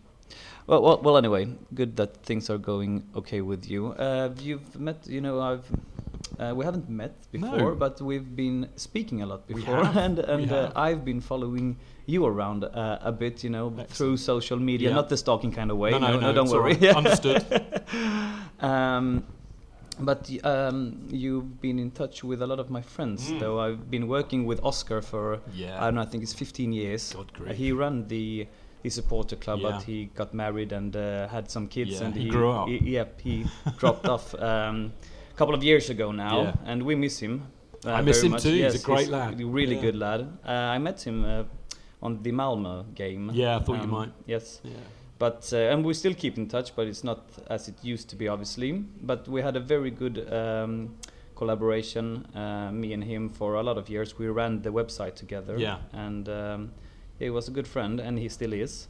Uh, now I'm the I don't know I'm you I guess you could uh, draw a line between me and you yeah. uh, in, in, in Sweden because I run this Chelsea pod in Sweden. Right. And I run the, the uh, Chelsea uh, website um, that produces articles and we try to reflect whatever goes on in England and um, keep our uh, Chelsea supporters in Sweden up to date with, with certain things among uh, our, surrounding our club. And we're doing all right. We, um, it's, it's great fun. Uh, but uh, that, that's it, I guess. And I've uh, yes, you uh, you've mentioned before that you uh, had some contact with Harry Hemme as well. It's yeah. obviously the yeah. Uh, very involved in in the supporter club. So I'm I'm part of that you group. Are. If you, You're part of a long lineage. I am, yes, yeah. yes. So been traveling a lot. Don't know why I haven't, you know, had the I don't know why, but haven't uh, bumped into you. Uh, no. Uh, most of the times when we've been traveling, we've uh, visited the Fox, but that that's I don't oh, know. Yeah, that's yeah. been renovated, right? Yeah, it has. Yeah. Is it open again now? I'm, i think it might be, but yeah. you know whether it, you know it. I mean, it was a tiny pub anyway, so it is, yes, you know, yes, it, was, yes. it was kind of quite select if you went there Um, I don't think it was kind of a, a huge haunt for Chelsea supporters because it was so tiny. But Yep, yep. So I think they're letting people back in. But I mean, the pension has kind of taken off really All right, over the last couple yes. of years. That's a huge. But you're mostly on the clock, right? Well, no, we go. Well, we've been all over the place actually. I mean, since we, I mean, we used to. Well, me and my mates before we even did the podcast, we all used to drink in the Wheat Chief. Yep. Remember then- that time? Yeah, and the George. Sometimes the quality dropped Yeah. towards the end of Well, no, I reckon it, we, we were worried it was because of us, but every every pub that we claimed as our own would shut soon afterwards. I don't, I don't know whether the two were related, but we went from the Wheat Sheaf and the George to the Malt House, and then the Imperial, and then the Hand and Flower, then the Fulham Tap or the Rose. Uh, and then we've ended up, and then the what was it, the Tommy Tucker, which was the Pelican before that, and then we've ended up in the Cock. We've been at the Cock for quite a while now, and we like the Cock. Yeah, yeah, So yeah. there you go. So that's where we go. All right, okay. Good stuff. A lot of them them pubs uh, has closed down as Well, well. that's the trouble. yeah, I mean, it's um, actually a it's a big I remember issue. so SL or Mm. SO or, or whatever it's called. That was that was great stuff when it was so close to the Yeah. arena as well. You know, the entire street could be packed with Chelsea supporters. Yeah. Anyway, Well, it's one of the one of the things that's really uh, you know worsened, and I think you know what we found is that not only are pubs pubs are struggling in England anyway. Actually, believe it or not, a lot of them are going out of business or Really? or changing into kind of restaurants or poncy places that Okay. you don't really want. But then you've got the added issue that because um, they're after a different market, they're quite happy to take Chelsea supporters' money before a game. okay, But quite often you go in afterwards and they don't want you there. really, Yeah, so it's a real issue. that's bollocks. And we used to have probably more pubs near the ground than most other clubs, I would say. yep, It's yep, fan- fantastic and famous for drinking, but Yes, yes. it's much harder these days. It is. It is. The Prince of Wales shut, shut as well. That maybe reopened. I don't know. But we used to go to the Atlas as well. That that's a nice. Yeah, well, that, that yeah, I love the Atlas. The Atlas is a, a pub that we do our meetings uh, for the Supporters Trust in All right. uh, when we can, either the board meetings or the special general meetings. But we also, uh, it's a good post-match pub. Actually, I like going there post-match. All It's- right. It's, a good Yeah, pub. yeah. They like us. Agree. They're all Okay, right. Apart good. from when the rugby's on and they get a bit sniffy then. Um, that was a little bit pre um, a, a taste of what's coming up. Uh, I will not uh, take more time uh, from you, Chich, than, than necessary. Um, but let's get right into it. And uh, welcome everybody to this Chelsea pod, a special episode. I'm recording from beautiful London. Sunny but windy today. It's a Sunday morning, and I'm here bit like me. sunny and windy. All right, why not? Uh, I'm here this weekend at non-Chelsea related businesses whatsoever because uh, I'm here to celebrate my best mate's bachelor party, and there was nothing Chelsea related at the agenda at all, and I couldn't have it that way. Now, could I? So I reached out to the legendary Mr. Stanford Cheech and asked him if he could do an interview with me to this pod. And uh, here I am. I was very happy that you kindly accepted the invitation, Mr. Chich. Uh, so welcome to this Chelsea, Swedish Chelsea podcast. How are you doing, mate? I'm very, very well. Um, you know, it's a Sunday, so I've got about three hours before I go, two hours before I go on air to do my Love Sports show. But uh, considering that I'm remarkably calm, and actually the, the other thing is, is that what we were talking about this before we started recording, but this season's been a nightmare because you know we've had so many Thursday matches, which Yep. means we end up with so many Sunday matches, and that's coincided with me getting a lot of radio work on Love Sport. So uh, they tend to let me go if we're at home, but if we're away, I can't really say no. So I end up having to do the broadcast and watch the game at the same time, and I can tell you now, Daniel, it's a nightmare doing that. I can imagine. very uh, hard. I have, uh, since I'm following your pod, it was something similar about doing it when we got beaten 6 0 uh, against Manchester City. Oh, well, now, I, and I, I, didn't. how do you yeah. perform under those Well, I, no, circumstances? that, that, we, that match kicked off um, just after I'd finished Uh, broadcasting. yeah, yeah, yeah, you told me. But yeah. I kind of thought, what shall I do? I mean, I knew I'd recorded it at home, so I thought, I know what, I, I'm, I'm not going to watch it here. I'm going to drive home because it's about an hour and a half drive back home, and then I'll watch it when I get home. But stupidly, I decided to listen to it on the radio, and it was just a nightmare. I thought it was going to crash yeah, a lot of times. Yeah. No, that was awful. You that was one of them games. You know, I, I didn't mind losing to them in the League Cup final. Yeah. Um, but I felt that was horrendous, wasn't it? Humiliating. That was humiliating. I felt really bad for like a week. Yeah. You know, with, with a, a, bad kind of feeling. In this. I woke up the, the day after. What was going? What, what did I do? Yes, like like I had some kind of hangover, and I was, oh yeah, we got beaten six 0 That's it. That's why I feel, you know, it's, really bad. I mean, it, I think the thing that really pissed me off most was the fact that it's, it's unheard of. I mean, in modern times, yeah. really. I yeah. mean, we we hadn't been cuffed like that since uh, what, when was it back like 1990 or something like that? Yeah, well, Forest beat us yeah, seven like 30 years ago. Yeah. So you know that that just shows you how appalling it, it, it was. And the reality is that when you think about what we've achieved in the last 15 years, a result like that just shouldn't happen. No. That's why it's no. so bad. No, it's disgrace, obviously, and we'll walk down that road a little bit later. But I would like to make a quick introduction of your fine self as well, because uh, I guess uh, some of our listeners maybe don't know really who you are. And uh, let me just yep, yep, I agree, I agree. but let me just do this for the record, at least. season ticket holder, obviously, and lifelong Chelsea supporter, chairman of the Chelsea Supporter Trust, mm -hmm. columnist for Football.London. Mm -hmm uh, and maybe most notably presenter and host of the award-winning mm. podcast, the Chelsea Fancast. Did and I mean? And I write in the CFC UK fans. There you go. There you well, go. So yep. yeah. Yeah. Yeah. Maybe from there. Exactly. Um, and this is how it works. Most often uh, you ask the questions, right? I know. And this time around, uh, the roles are switched. Good. Have a day off. Uh, yeah. well, anyway, you're here, and I really appreciate appreciate that you gave me some of your very valued time. Uh, so let me get things started. Um, can you just tell us a little bit about your yourself uh, and how you became a Chelsea supporter? Goodness me! Well, I mean, actually, it's interesting because the way I became a Chelsea supporter, I think, gives me a lot of empathy with um, people, perhaps from Sweden, but from, from anybody who didn't live in London or, or grow up with, uh, you know, their, their dad and their granddad and their granddad's dad all mm-hmm. supporting Chelsea, because that's not my experience at all. I mean, my dad was a Portsmouth fan. Really? We grew up in Hampshire, or I grew up in Hampshire, and uh, the first game he took me to was a Portsmouth game. This is like, you know, about 72 or something like that. Okay and uh, it was awful because like even at about seven years old, I realised that it was absolute rubbish, and it was also frightening because it was quite violent.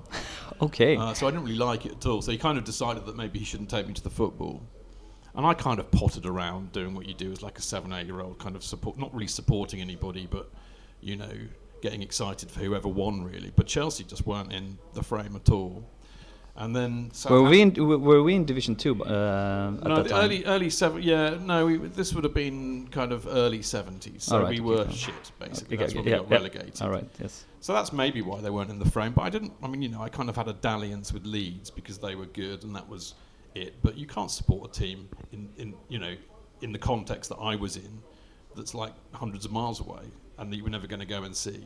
Anyway, cutting a long story short, Dad took me to uh, the semi final of the FA Cup because Southampton were there in 1976. Uh, and of course, we were from Hampshire, so he just managed to get a ticket. It was kind of a good thing to go to. Anyway, that was at Stamford Bridge in 76, and I just fell in love with the ground because by then I would have been about 11 or 12. So I was kind of old enough to appreciate what was happening. So things like, you know, walking up from Fulham Broadway uh, tube up to the ground and then I think we were in the, we, we went, uh, it would have been the Bovril entrance, I think, and I stood right at the front of the shed. And, you know, I didn't really care about Southampton too much because I didn't support them, but I was just absolutely just overwhelmed by this amazing, huge, it just seemed so big, you know, for, a, for quite a small 12 year old. And, you know, the East Stand was like some great, because it was so incongruous compared to everything else around the ground that was all falling apart. It just looked like some spaceship had landed. So I was, I mean, that, I was just you know, enchanted by it. How did the game end? Uh, Southampton won 2 1, I think. I mean, the interesting, the interesting fact here is it's the only time I ever saw Peter Osgood play live. All right, yeah. He was playing for Southampton. Okay, yes, yeah. that's correct. Yeah. But um, you know, I mean, I, I you know, look, I, I, I, kind of fell in love with them that day, but you know, I never really, it never really occurred to me to go. Dad was never going to take me. You know, he wasn't a Chelsea fan or really into football that much. So I kind of, you know, took an interest in them by watching them on a program called The Big Match, which we used to have over here. And the Chelsea were on that a lot in those days. And I kind of fell in love with the kit, the Umbro kit. Ray Wilkins was our, you know, a good player at the time. May he rest in peace. Yeah, you know, yeah, absolutely. And uh, and that was about it, you know. But I, I didn't come from a, a family that, that, that, went to football regularly. So I didn't really start going uh, until I moved up to London in the 80s, in the mid 80s. And I, I, went to university up here, and I happened to live um, literally five minutes away from the ground. All right. But again, I didn't come from a culture of you go to the football on a Saturday. You know, so I would go with a few mates because we would want to get pissed and have a bit of a laugh. And in those days, you could just get in. But I wouldn't say I went regularly. It wasn't really until the 90s that I, when I moved back to London, having kind of moved out again, that I started to go more regularly. Um, and I didn't get a season ticket until about 20, 25 years ago, 20 years ago, you know, and that's, that's when it really exploded. So, I mean, you know, uh, my experience is very similar to a lot of what you might call newer supporters or foreign supporters who, who didn't grow up with that culture, which is probably why I've got a lot of empathy with them. Yes, and also we can really tell uh, yeah. by the way you um, yeah. uh, communicate with well, them on, on, a, on a level yeah. that's very similar to them. And if they're from India or if they're from you know, I mean, you uh, know the, the, states, sometimes they've just been supporting the team for like two years. But you you can really a, a lot of supporters. I don't get me wrong, but here in England, uh, I, I, get the impression that they, you know, don't really respect the newer kind of supporters yeah. because they like the scapegoats of how bad yeah. the atmosphere is at the Stamford, at Stamford Bridge, and yeah. you know, put the blame a little bit on them. Do, do you do you know what I, I mean? I do, but I understand it. I mean, this is the thing. I sit somewhere in the middle because you know what I would say is that whilst I have a huge empathy with the experience of a lot of newer fans and, and foreign fans because you know, my experience, in a sense, wasn't hugely different. I have, because of my experience, I have, you know, just the utmost respect for a lot of my friends who are second, third, fourth, fifth generation Chelsea fans. You know, it's in their blood. Uh, the guys that, are, that go every week and have been going for 30, 40 years the guys who, unlike me, have an, uh, like Kelvin Barker, who, have got like an encyclopedic memory for things that happened 40 years ago. I mean, I can't even remember what happened last week, you know. but I have huge respect and admiration for these people, and I, and I, I get people coming up to me all the time saying, "Oh, you're this wonderful Chelsea supporter," but I'm nothing compared to some of these guys. But the other side of that is, I think a lot of people, you know, who have had that experience and are very lucky to, I think they they feel because you see what's happened with social media you know, the whole process of being a supporter, in a sense, has been democratized. You know, we, you know, we, in a sense, are, p- are part of that. We've done a podcast, so I get to do a radio show or a TV show, whereas 40 years ago, I'd never have been able to do that. Mm-hmm. So I therefore have the same power as people in the media, if you see what I mean. It's the same social media. It's been democratized. So somebody in, in, in Bangalore or Boston or Botswana, therefore, just think because they have that power that they are the same as a supporter yeah. who's been going for Got 30, 40 years yeah. and goes every week. And week. they're obviously not. Well, obviously they're no, not. No. But of course, that's threatening to the supporter who's been going 30, 40 years and goes every week. Of course. Because they think, well, hang on a minute, I'm, of course I'm more important and valued. Mm, mm, well, mm. the reality is we're all the same, mm, but I do understand that point. No, yeah. And it's uh, great stuff. I, I hear every word you say. And uh, a little bit on that theme, I would say, you wrote an article uh, a couple of days ago for Football London football.london yeah. that you named the underlying problem yeah. that must be solved at Chelsea. And you should have seen what I was like. I mean, basically, what happens is I, I always put a title to those articles, and then their editor changes it. You should know what I'll tell you what the real title was. In a well, minute. tell me. Mark, I'll tell you now. It was called "Is This the Fall of the Roman Empire?" All right, yeah, but that's the introduction of the of the yeah. article. I really like that um, uh, metaphor in a way. Um, but in the article, you were headlighting a numbers of of numbers of problem that Chelsea struggles with right now. Um, lack of knowledge at the board, uh, perhaps uh, no director of sport, problem with uh, problems with developing youth, uh, Roman's uh, absence, lack of atmosphere, empty seats. I thought the article was really good, brilliant. But one can also argue that you paint a rather dark mm. picture of our club and where it's heading yeah. towards. would you agree with that? Are we in trouble? And uh, should we be worried? It's a really good question, Daniel, actually. And thanks for the, uh, the praise of the article. I, I, that, this, that, that, that had been brewing up for a while, as you could probably tell. I, I, and, and, I think the, the, phrase that I used in it was that I think there is a perfect storm of negativity at the club at the moment. Yes. And I actually think that's true. And I think it's really because things have come to a head. Um, I think you know, in, and another thing I said, I think we've actually been getting away with it for a while, and we have. And I mean, the, the, the, the argument that comes out is, well, you know, nothing's wrong because we hire a new manager. Do, who cares about the short termism? Who cares about the fact that we sack managers every other year? We still go and win titles, and that's true. It's hard to argue against that. It's very I, hard to argue against. But. I think it's papering over the cracks for the supporters, and I think it's papering over the cracks for the, the, the board and the club's mismanagement. And that's really what I was trying to highlight. And, you know, if they're not prepared. I mean, see, the thing is, Chelsea's entire success, really, in the last 15 years has been predicated on Roman Abramovich spending over a billion pounds. If he's not prepared, if he's A, not prepared to spend that kind of money anymore, which I don't think he is, and actually over the long term, there was a wonderful um, kind of GIF on social media on Twitter last night, which compared everybody, every cl- major club spending. I saw it. Yeah. Yeah.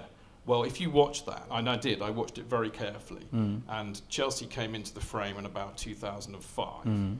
and then they very quickly shot to the top of that mm. in terms of their spending.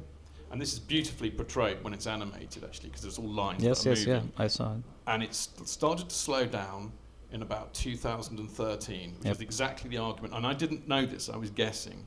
But my argument was they stopped spending like they used to in about 2013. They had a, a little bit of a spurt last year, but that was because they bought, uh, you know, people like Kepa and Morata. But they funded that out of player sales. That wasn't down to Roman putting his hand in his pocket. No, not really. And if he's not prepared to spend that kind of money anymore, then we have to achieve success another way.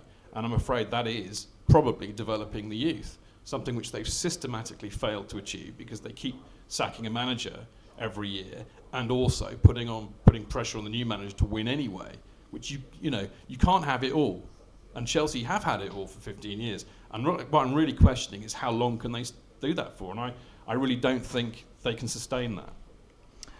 It's really um, good points. And um, do you think that we will come to a situation this summer where we really need to put a lot of resources in developing the youth. To be honest, also another point I want to bring up to the table is is there any youth player out there that you would rather have back in Chelsea that we had in our ranks that we that we let go that we missed there w- where we may have missed an opportunity yeah, well because when yeah. people I think your partner Jonathan Kidd is very has um, got a point when he says that this youth discussion is a little bit out of proportion because a lot of times they're simply not good enough. No. I'm not talking about Hudson Odoi and, no, and, and, no, uh, Ruben Loftus Cheek right yeah. now.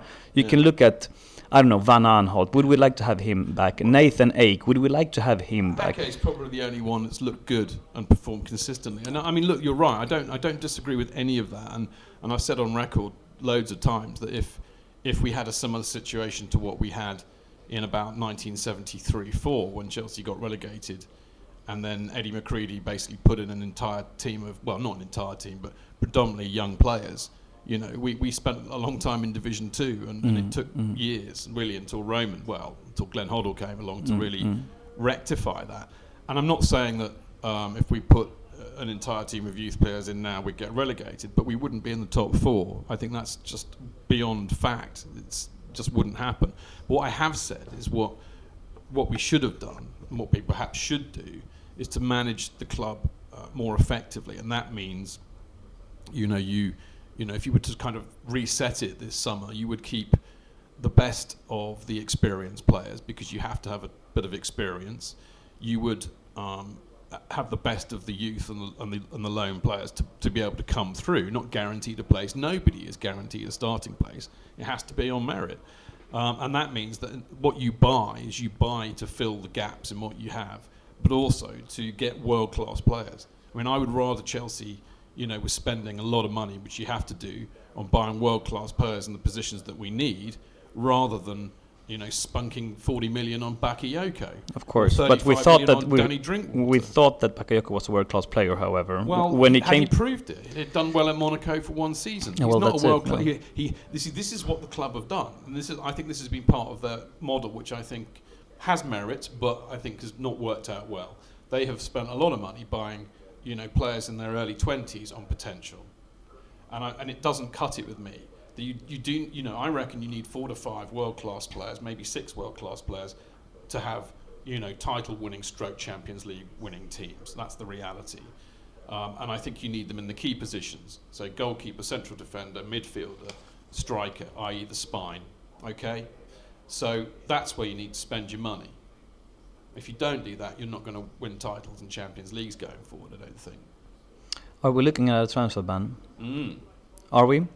Well, I this think, summer. I think that, that we should have said that really. That a lot of what I said in that article was written in the context of us getting a transfer Mm, ban. mm, mm.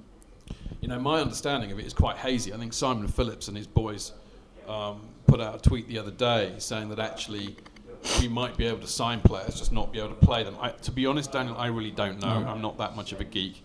Perhaps with my journalist hat on, I should find out. But my understanding is is that we, uh, you know, normally clubs have appealed the decision. Of and course, when, yeah. And when the appeal is in process, the, the ban gets delayed while the appeal's heard. And what FIFA announced the other week was that they've changed the rules. We've that- covered that a lot in Sweden uh, Yeah, and, you know, to no explain the entire, you know, it's, So it's a mess now, isn't It it? is. Of course it is. Now, I know that the club can go to CAS. and they uh, probably will. and they will. I have no doubt of that. Um, but it doesn't seem to me that FIFA are going to delay the ban. No. So I think it's, you know, probably about 60, 40, 70, 30 that we'll have a ban Yeah. this summer. All right. Let's embrace that and let's move on as well. Uh, in the article, you choose to leave the infected sorry discussion at the door. Yeah. Uh, you've described yourself in uh, lately as agnostic to Arch Sari and his uh, managerial approach. Um, can I dig into that a little bit? Do you want him to have the time to turn this around, to get the time to turn this around?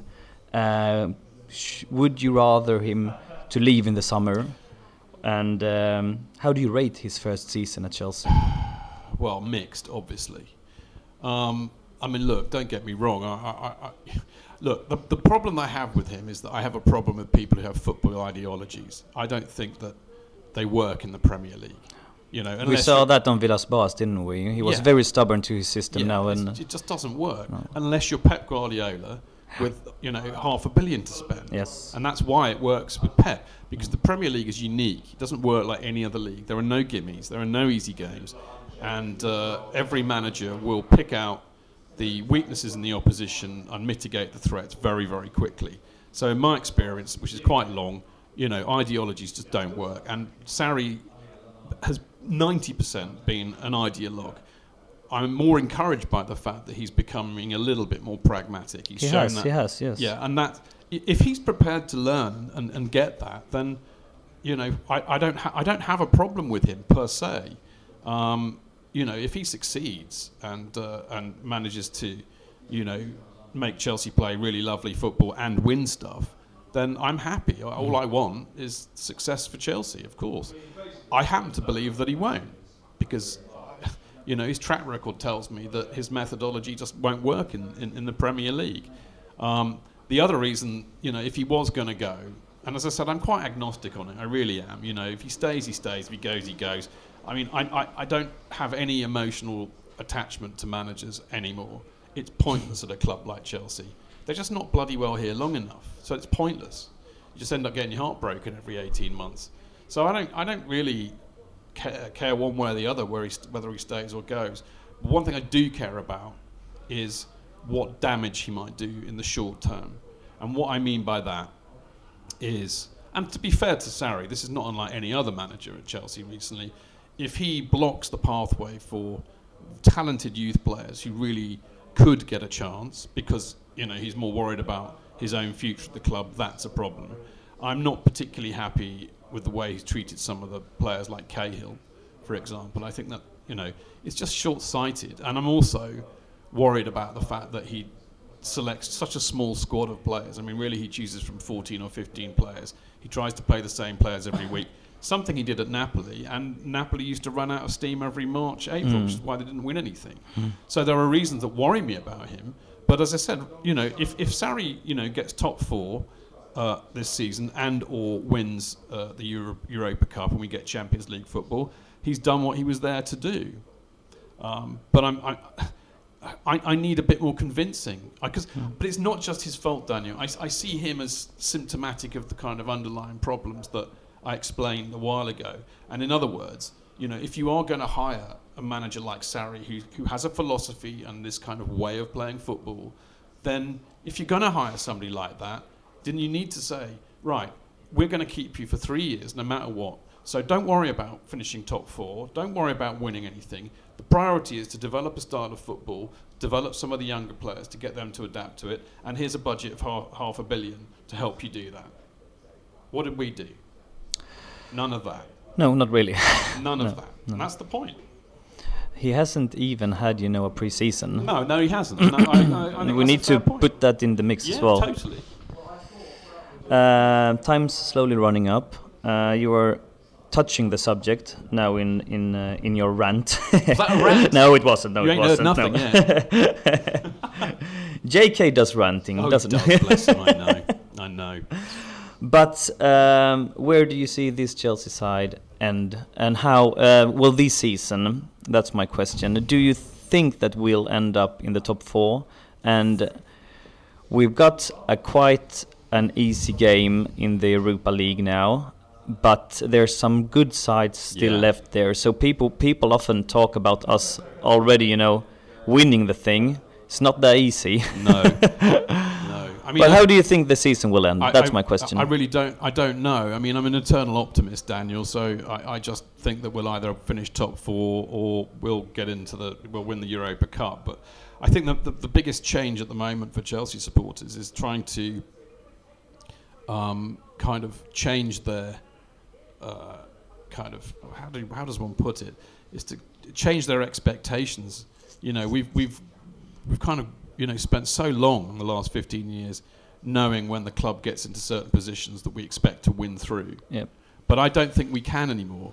I mean, I think there's a lack of belief and a lack of trust in the team and perhaps Is that down to Sarri?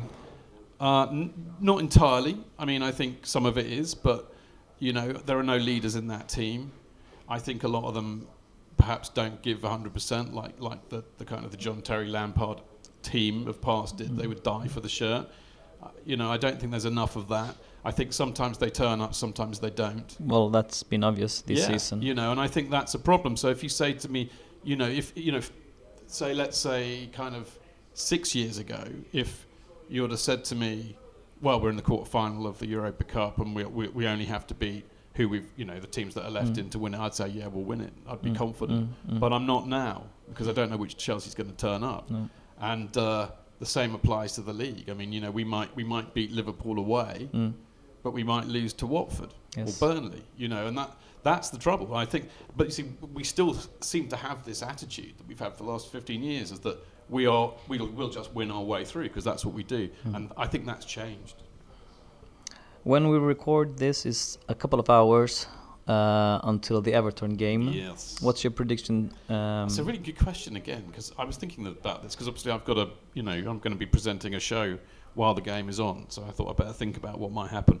Uh, uh, picking up on what we just said, I really don't know. I mean, it's odd because my, your gut feeling says, "Oh bloody hell, Everton are a bit of a bogey side up at Goodison Park," but actually that's not true. We've only lost twice there in the last kind of six seasons, which is unusual because normally before that we used to win.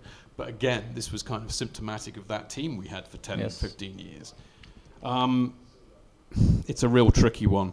You know, on paper we should win it if we turn up, but I worry about the fact that we've just had a, a long trip to Kiev, which won't help. Although Hazard was rested, my guts tell me it'll be a draw. I think important game. Uh, we need to win it though. That's the trouble. And we're heading towards um, a big break now. The um, Yeah. national teams are Yeah, are playing, and that's you know always always good to to end on on a positive on a positive note now, isn't it? Uh, two quick questions to wrap this up. Who's your favorite all-time Chelsea player? blimey, that's so Well, it's not hard at all. It has to be Frank Lampard. Really? Yeah, because So you pick him before John Terry? Yeah, I would actually. Um, I love John Terry for everything that he meant to the Mm. club, and I mean, you know, famously, he's the last kind of youth player that really made it. Um, but I think, I think, uh, you know, I just about, you know, because I spent a bit of time away in the kind of the late '90s, again back in Winchester, and I just got married, so I had to like, like pretend I didn't like football, you know. and it was only when we moved back that I kind of started going back, and that's when I met up with Dr. Mart. Actually, he, he he kind of convinced me to go back. You know, oh, you support? I said, yeah, yeah. Do you go? I said, well, I used to go a bit, you know, in the '80s, early '90s. He said, well, we should go again. I said, all right.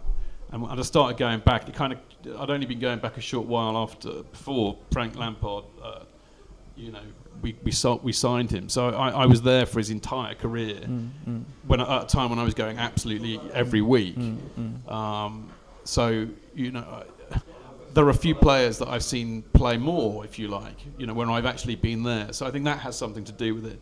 But I think he was just phenomenal. Yeah, well, he's a he one-off. one of he's a kind. unique, yeah. and I think that's something else as well. Yeah. I mean, you look at what, how we play now, and one of the things we moan about all the time is that we don't score any goals from midfield. Well, we don't have Frank Lampard. No, exactly. So you just see how how hard he is to replace. Mm. He's irreplaceable. Yes. And I think for that reason alone, he's our top goal scorer from midfield. Yes. He breaks all kind of records in the Premier League. He's intelligent. He's a really nice bloke. He is. And my God, I miss him. Me too. Uh, favorite Chelsea player in the side at the moment? Hmm, that's a good question. Well, N'Golo Kante. I has to be, it right? has to be. Yeah. It has to be. You know, what an amazing footballer he is. What an amazing human being he is. He, he, he's just, I mean, like, like Frank, he seems like a one off. Um, I think I think he could play even in goal. I think he's that yeah, talented. Yes. He's the only other world class player that we have, Hazard being the other one. Um, but I think as a human being, he's quite special. And I just hope to God that, you know, when I was talking about the damage that Sarri might inflict, I forgot to mention that. You know, playing him in a position, you know, he's the best player in the world as a defensive midfielder. Now, okay, I get that Sarri doesn't play with a defensive midfielder and all of that. But you've got the best player in the world in a position. You need to make that work, yes. So can't I do agree with you. Know, you build a side around a Hazard, yes. or a Kylian Mbappe, mm. or a Neymar. Why can't you build a side you need, around You need to find the, the, the correct balance there, and uh, I think it's uh, absolutely bollocks that yeah. he can't play in that position simply because he can't pass pa pass the ball quick yeah. enough. That that that's rubbish to Bullshit. me.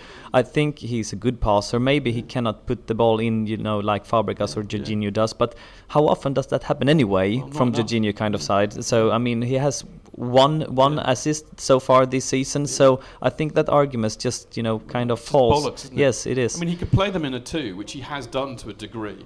You know, that's one of the changes he's made. I yeah, the Wolves yes, game and yes. the Spurs game, and I think you know that gets more use out of him. But and of course, that would enable you to play Loftus Cheek in, in the midfield wide right, which I think is probably his best position. But what I was going back to, the damage that Sarri could do, and this is another one of them, is that, you know, if, for example, Zidane turns up, who's the who's one of the icons of French football, uh, N'Golo is a French footballer, he's won the World Cup, and he says, you know, come to Real Madrid and I will make you a legend and mm. you can play mm. in your mm. position. Hard to I mean, argue if against. I'm N'Golo Kante, even if I'm the nicest human in the world and driving a Mini, mm. I'm going to go. The only thing um, we need to bring up to the table there is that he signed a contact, uh, contract for not that long ago, N'Golo Kante. That's so true, but that just means we'll get more money for him. Well, basically, it doesn't mean yes. that he won't no. go. No, uh, That's yeah. why they do the big contracts. A little bit of an insurance. Mitigate the loss, yeah. Let's uh, let's end this pod on a positive note, Dave. He won't go. All right, let's just. I bloody hope not. I bloody hope not as well. Uh, the show is ending. Um, we need to wrap this up. You're a busy man, and I thank you so much Ah, for your pleasure, time. mate, yeah. Uh, is there anything you want to say to the Swedish supporters before uh, we will uh, stop this recording? Maybe something about how to follow you guys on Yeah, Twitter. Instagram, uh, how to vote uh, uh, Yeah, for you in the, in the competition that's Yeah. uh, running right now. Yeah, well, Um, I mean, look. What the first thing I want to say is thank you. I mean, I think I think, you know, it, it's been quite easy. If you look at it, uh, like you know, we do we do a podcast, we do all sorts of writing and stuff, and we've got a big presence on social media. It's always easy to assume that, and you'll know this from listening to the show and the emails we get. You know, obviously we have an affinity for the Yanks, um, and and the Aussies and people like that, but. The reality is, is I've always had a really soft, real soft spot for the Swedes because you know I didn't really know Harry very well, but the people I know at the bridge, you know, Harry's regarded as an absolute legend for what he did for the Mm. Swedish supporters and getting all this going. And, I, and, and I've met him a couple of times. He's a lovely bloke. Oscar, I got to know a lot better, and he kind of followed in his footsteps. Mm. But it's clear to me that you know you kind of love football and Chelsea and drinking in the same way that we do. So I've got a massive affinity for the Swedes, and uh, I know that. Thank you. Really nice to hear. well, they've long been supporters of what we do, and I'm very grateful for that. So thank you, first of all, to them. Um, and yeah, I mean, we're easy to get hold of, chelseafancast.com. Uh, we do the, the Monday night podcast uh, at 7 o'clock on a Monday night, uh, British time. We do it live on a platform called mixler.com, put it up as a podcast afterwards. We do occasionally a Kerry Dixon show when I can track him down. Uh, he's not easy to track down. And the Thursday games have screwed that this year. And uh, we also do a, a, Friday night Love Sport show at 7 o'clock. It's really good stuff. Yeah, it's great fun doing that, and that's uh, easy to find. LoveSportRadio.com. Um, what else can I say? At Chelsea Fancast on Twitter, at Chelsea Fancast on Instagram or on Facebook. Um, and yes, we, we, we've got a we got another week to go. I think the voting closes on the on seven o'clock uh, on Friday the twenty fourth of March for the Football Blogging Awards, which is an award we won in 2012 and 2015. So go out and vote for us on Instagram. Uh, you basically go to Football Blogging Awards Instagram page, select best podcast, and then put in the comments at Chelsea Fancast. Uh, if you go to our Twitter feed at Chelsea Fancast, there's a tweet pinned to the top which tells you how to vote on Twitter. And you can vote on our website. There's a button on the homepage uh, which says nominate me for um, for the Football Blogging Awards. So yeah, go and vote. It'd be lovely to win it again. I think everybody should. I've voted on Instagram. I don't know. Can you vote twice? Can you I vote on know. face on Well, on Twitter? Or, uh, I, I, I have a suspicion that it's probably you only get one vote, but um, It's worth a try, perhaps. Yeah, well, as Dr. Mark used to say many years ago, vote early and vote often. So the worst thing that they can do is not count your vote, but uh, go and vote on all the platforms and vote. Get your friends to your granny, your mum, your sister, random people in the street. Just do it because it'd be lovely to win it. Because the trouble is, what's happened since we last won it is that there's a very big Scouse podcast that got involved, and they're a cult. I think I've said that properly, but anyway, uh, they you know they can uh, get a lot more votes out, unfortunately. So we, we're up against it. So we need all the help we can get. All right, guys, you heard Mr. Stanford Chich. Get out there, vote, and uh, that's the least we can do. It's been a pleasure Yeah, speaking likewise. to you, Dave. Seriously, I could Yeah. uh, speak with We you. could do this for yes, about three hours yes, now, yes, but easy to do. um, obviously there's uh, certain things in the way of that. Uh, Yeah. Much appreciated. Again, thank you. Um, to wrap this up, I don't know, up the Chels, Yeah, up the carefree, something it. like that. Cheers, and until next time, goodbye. Brilliant.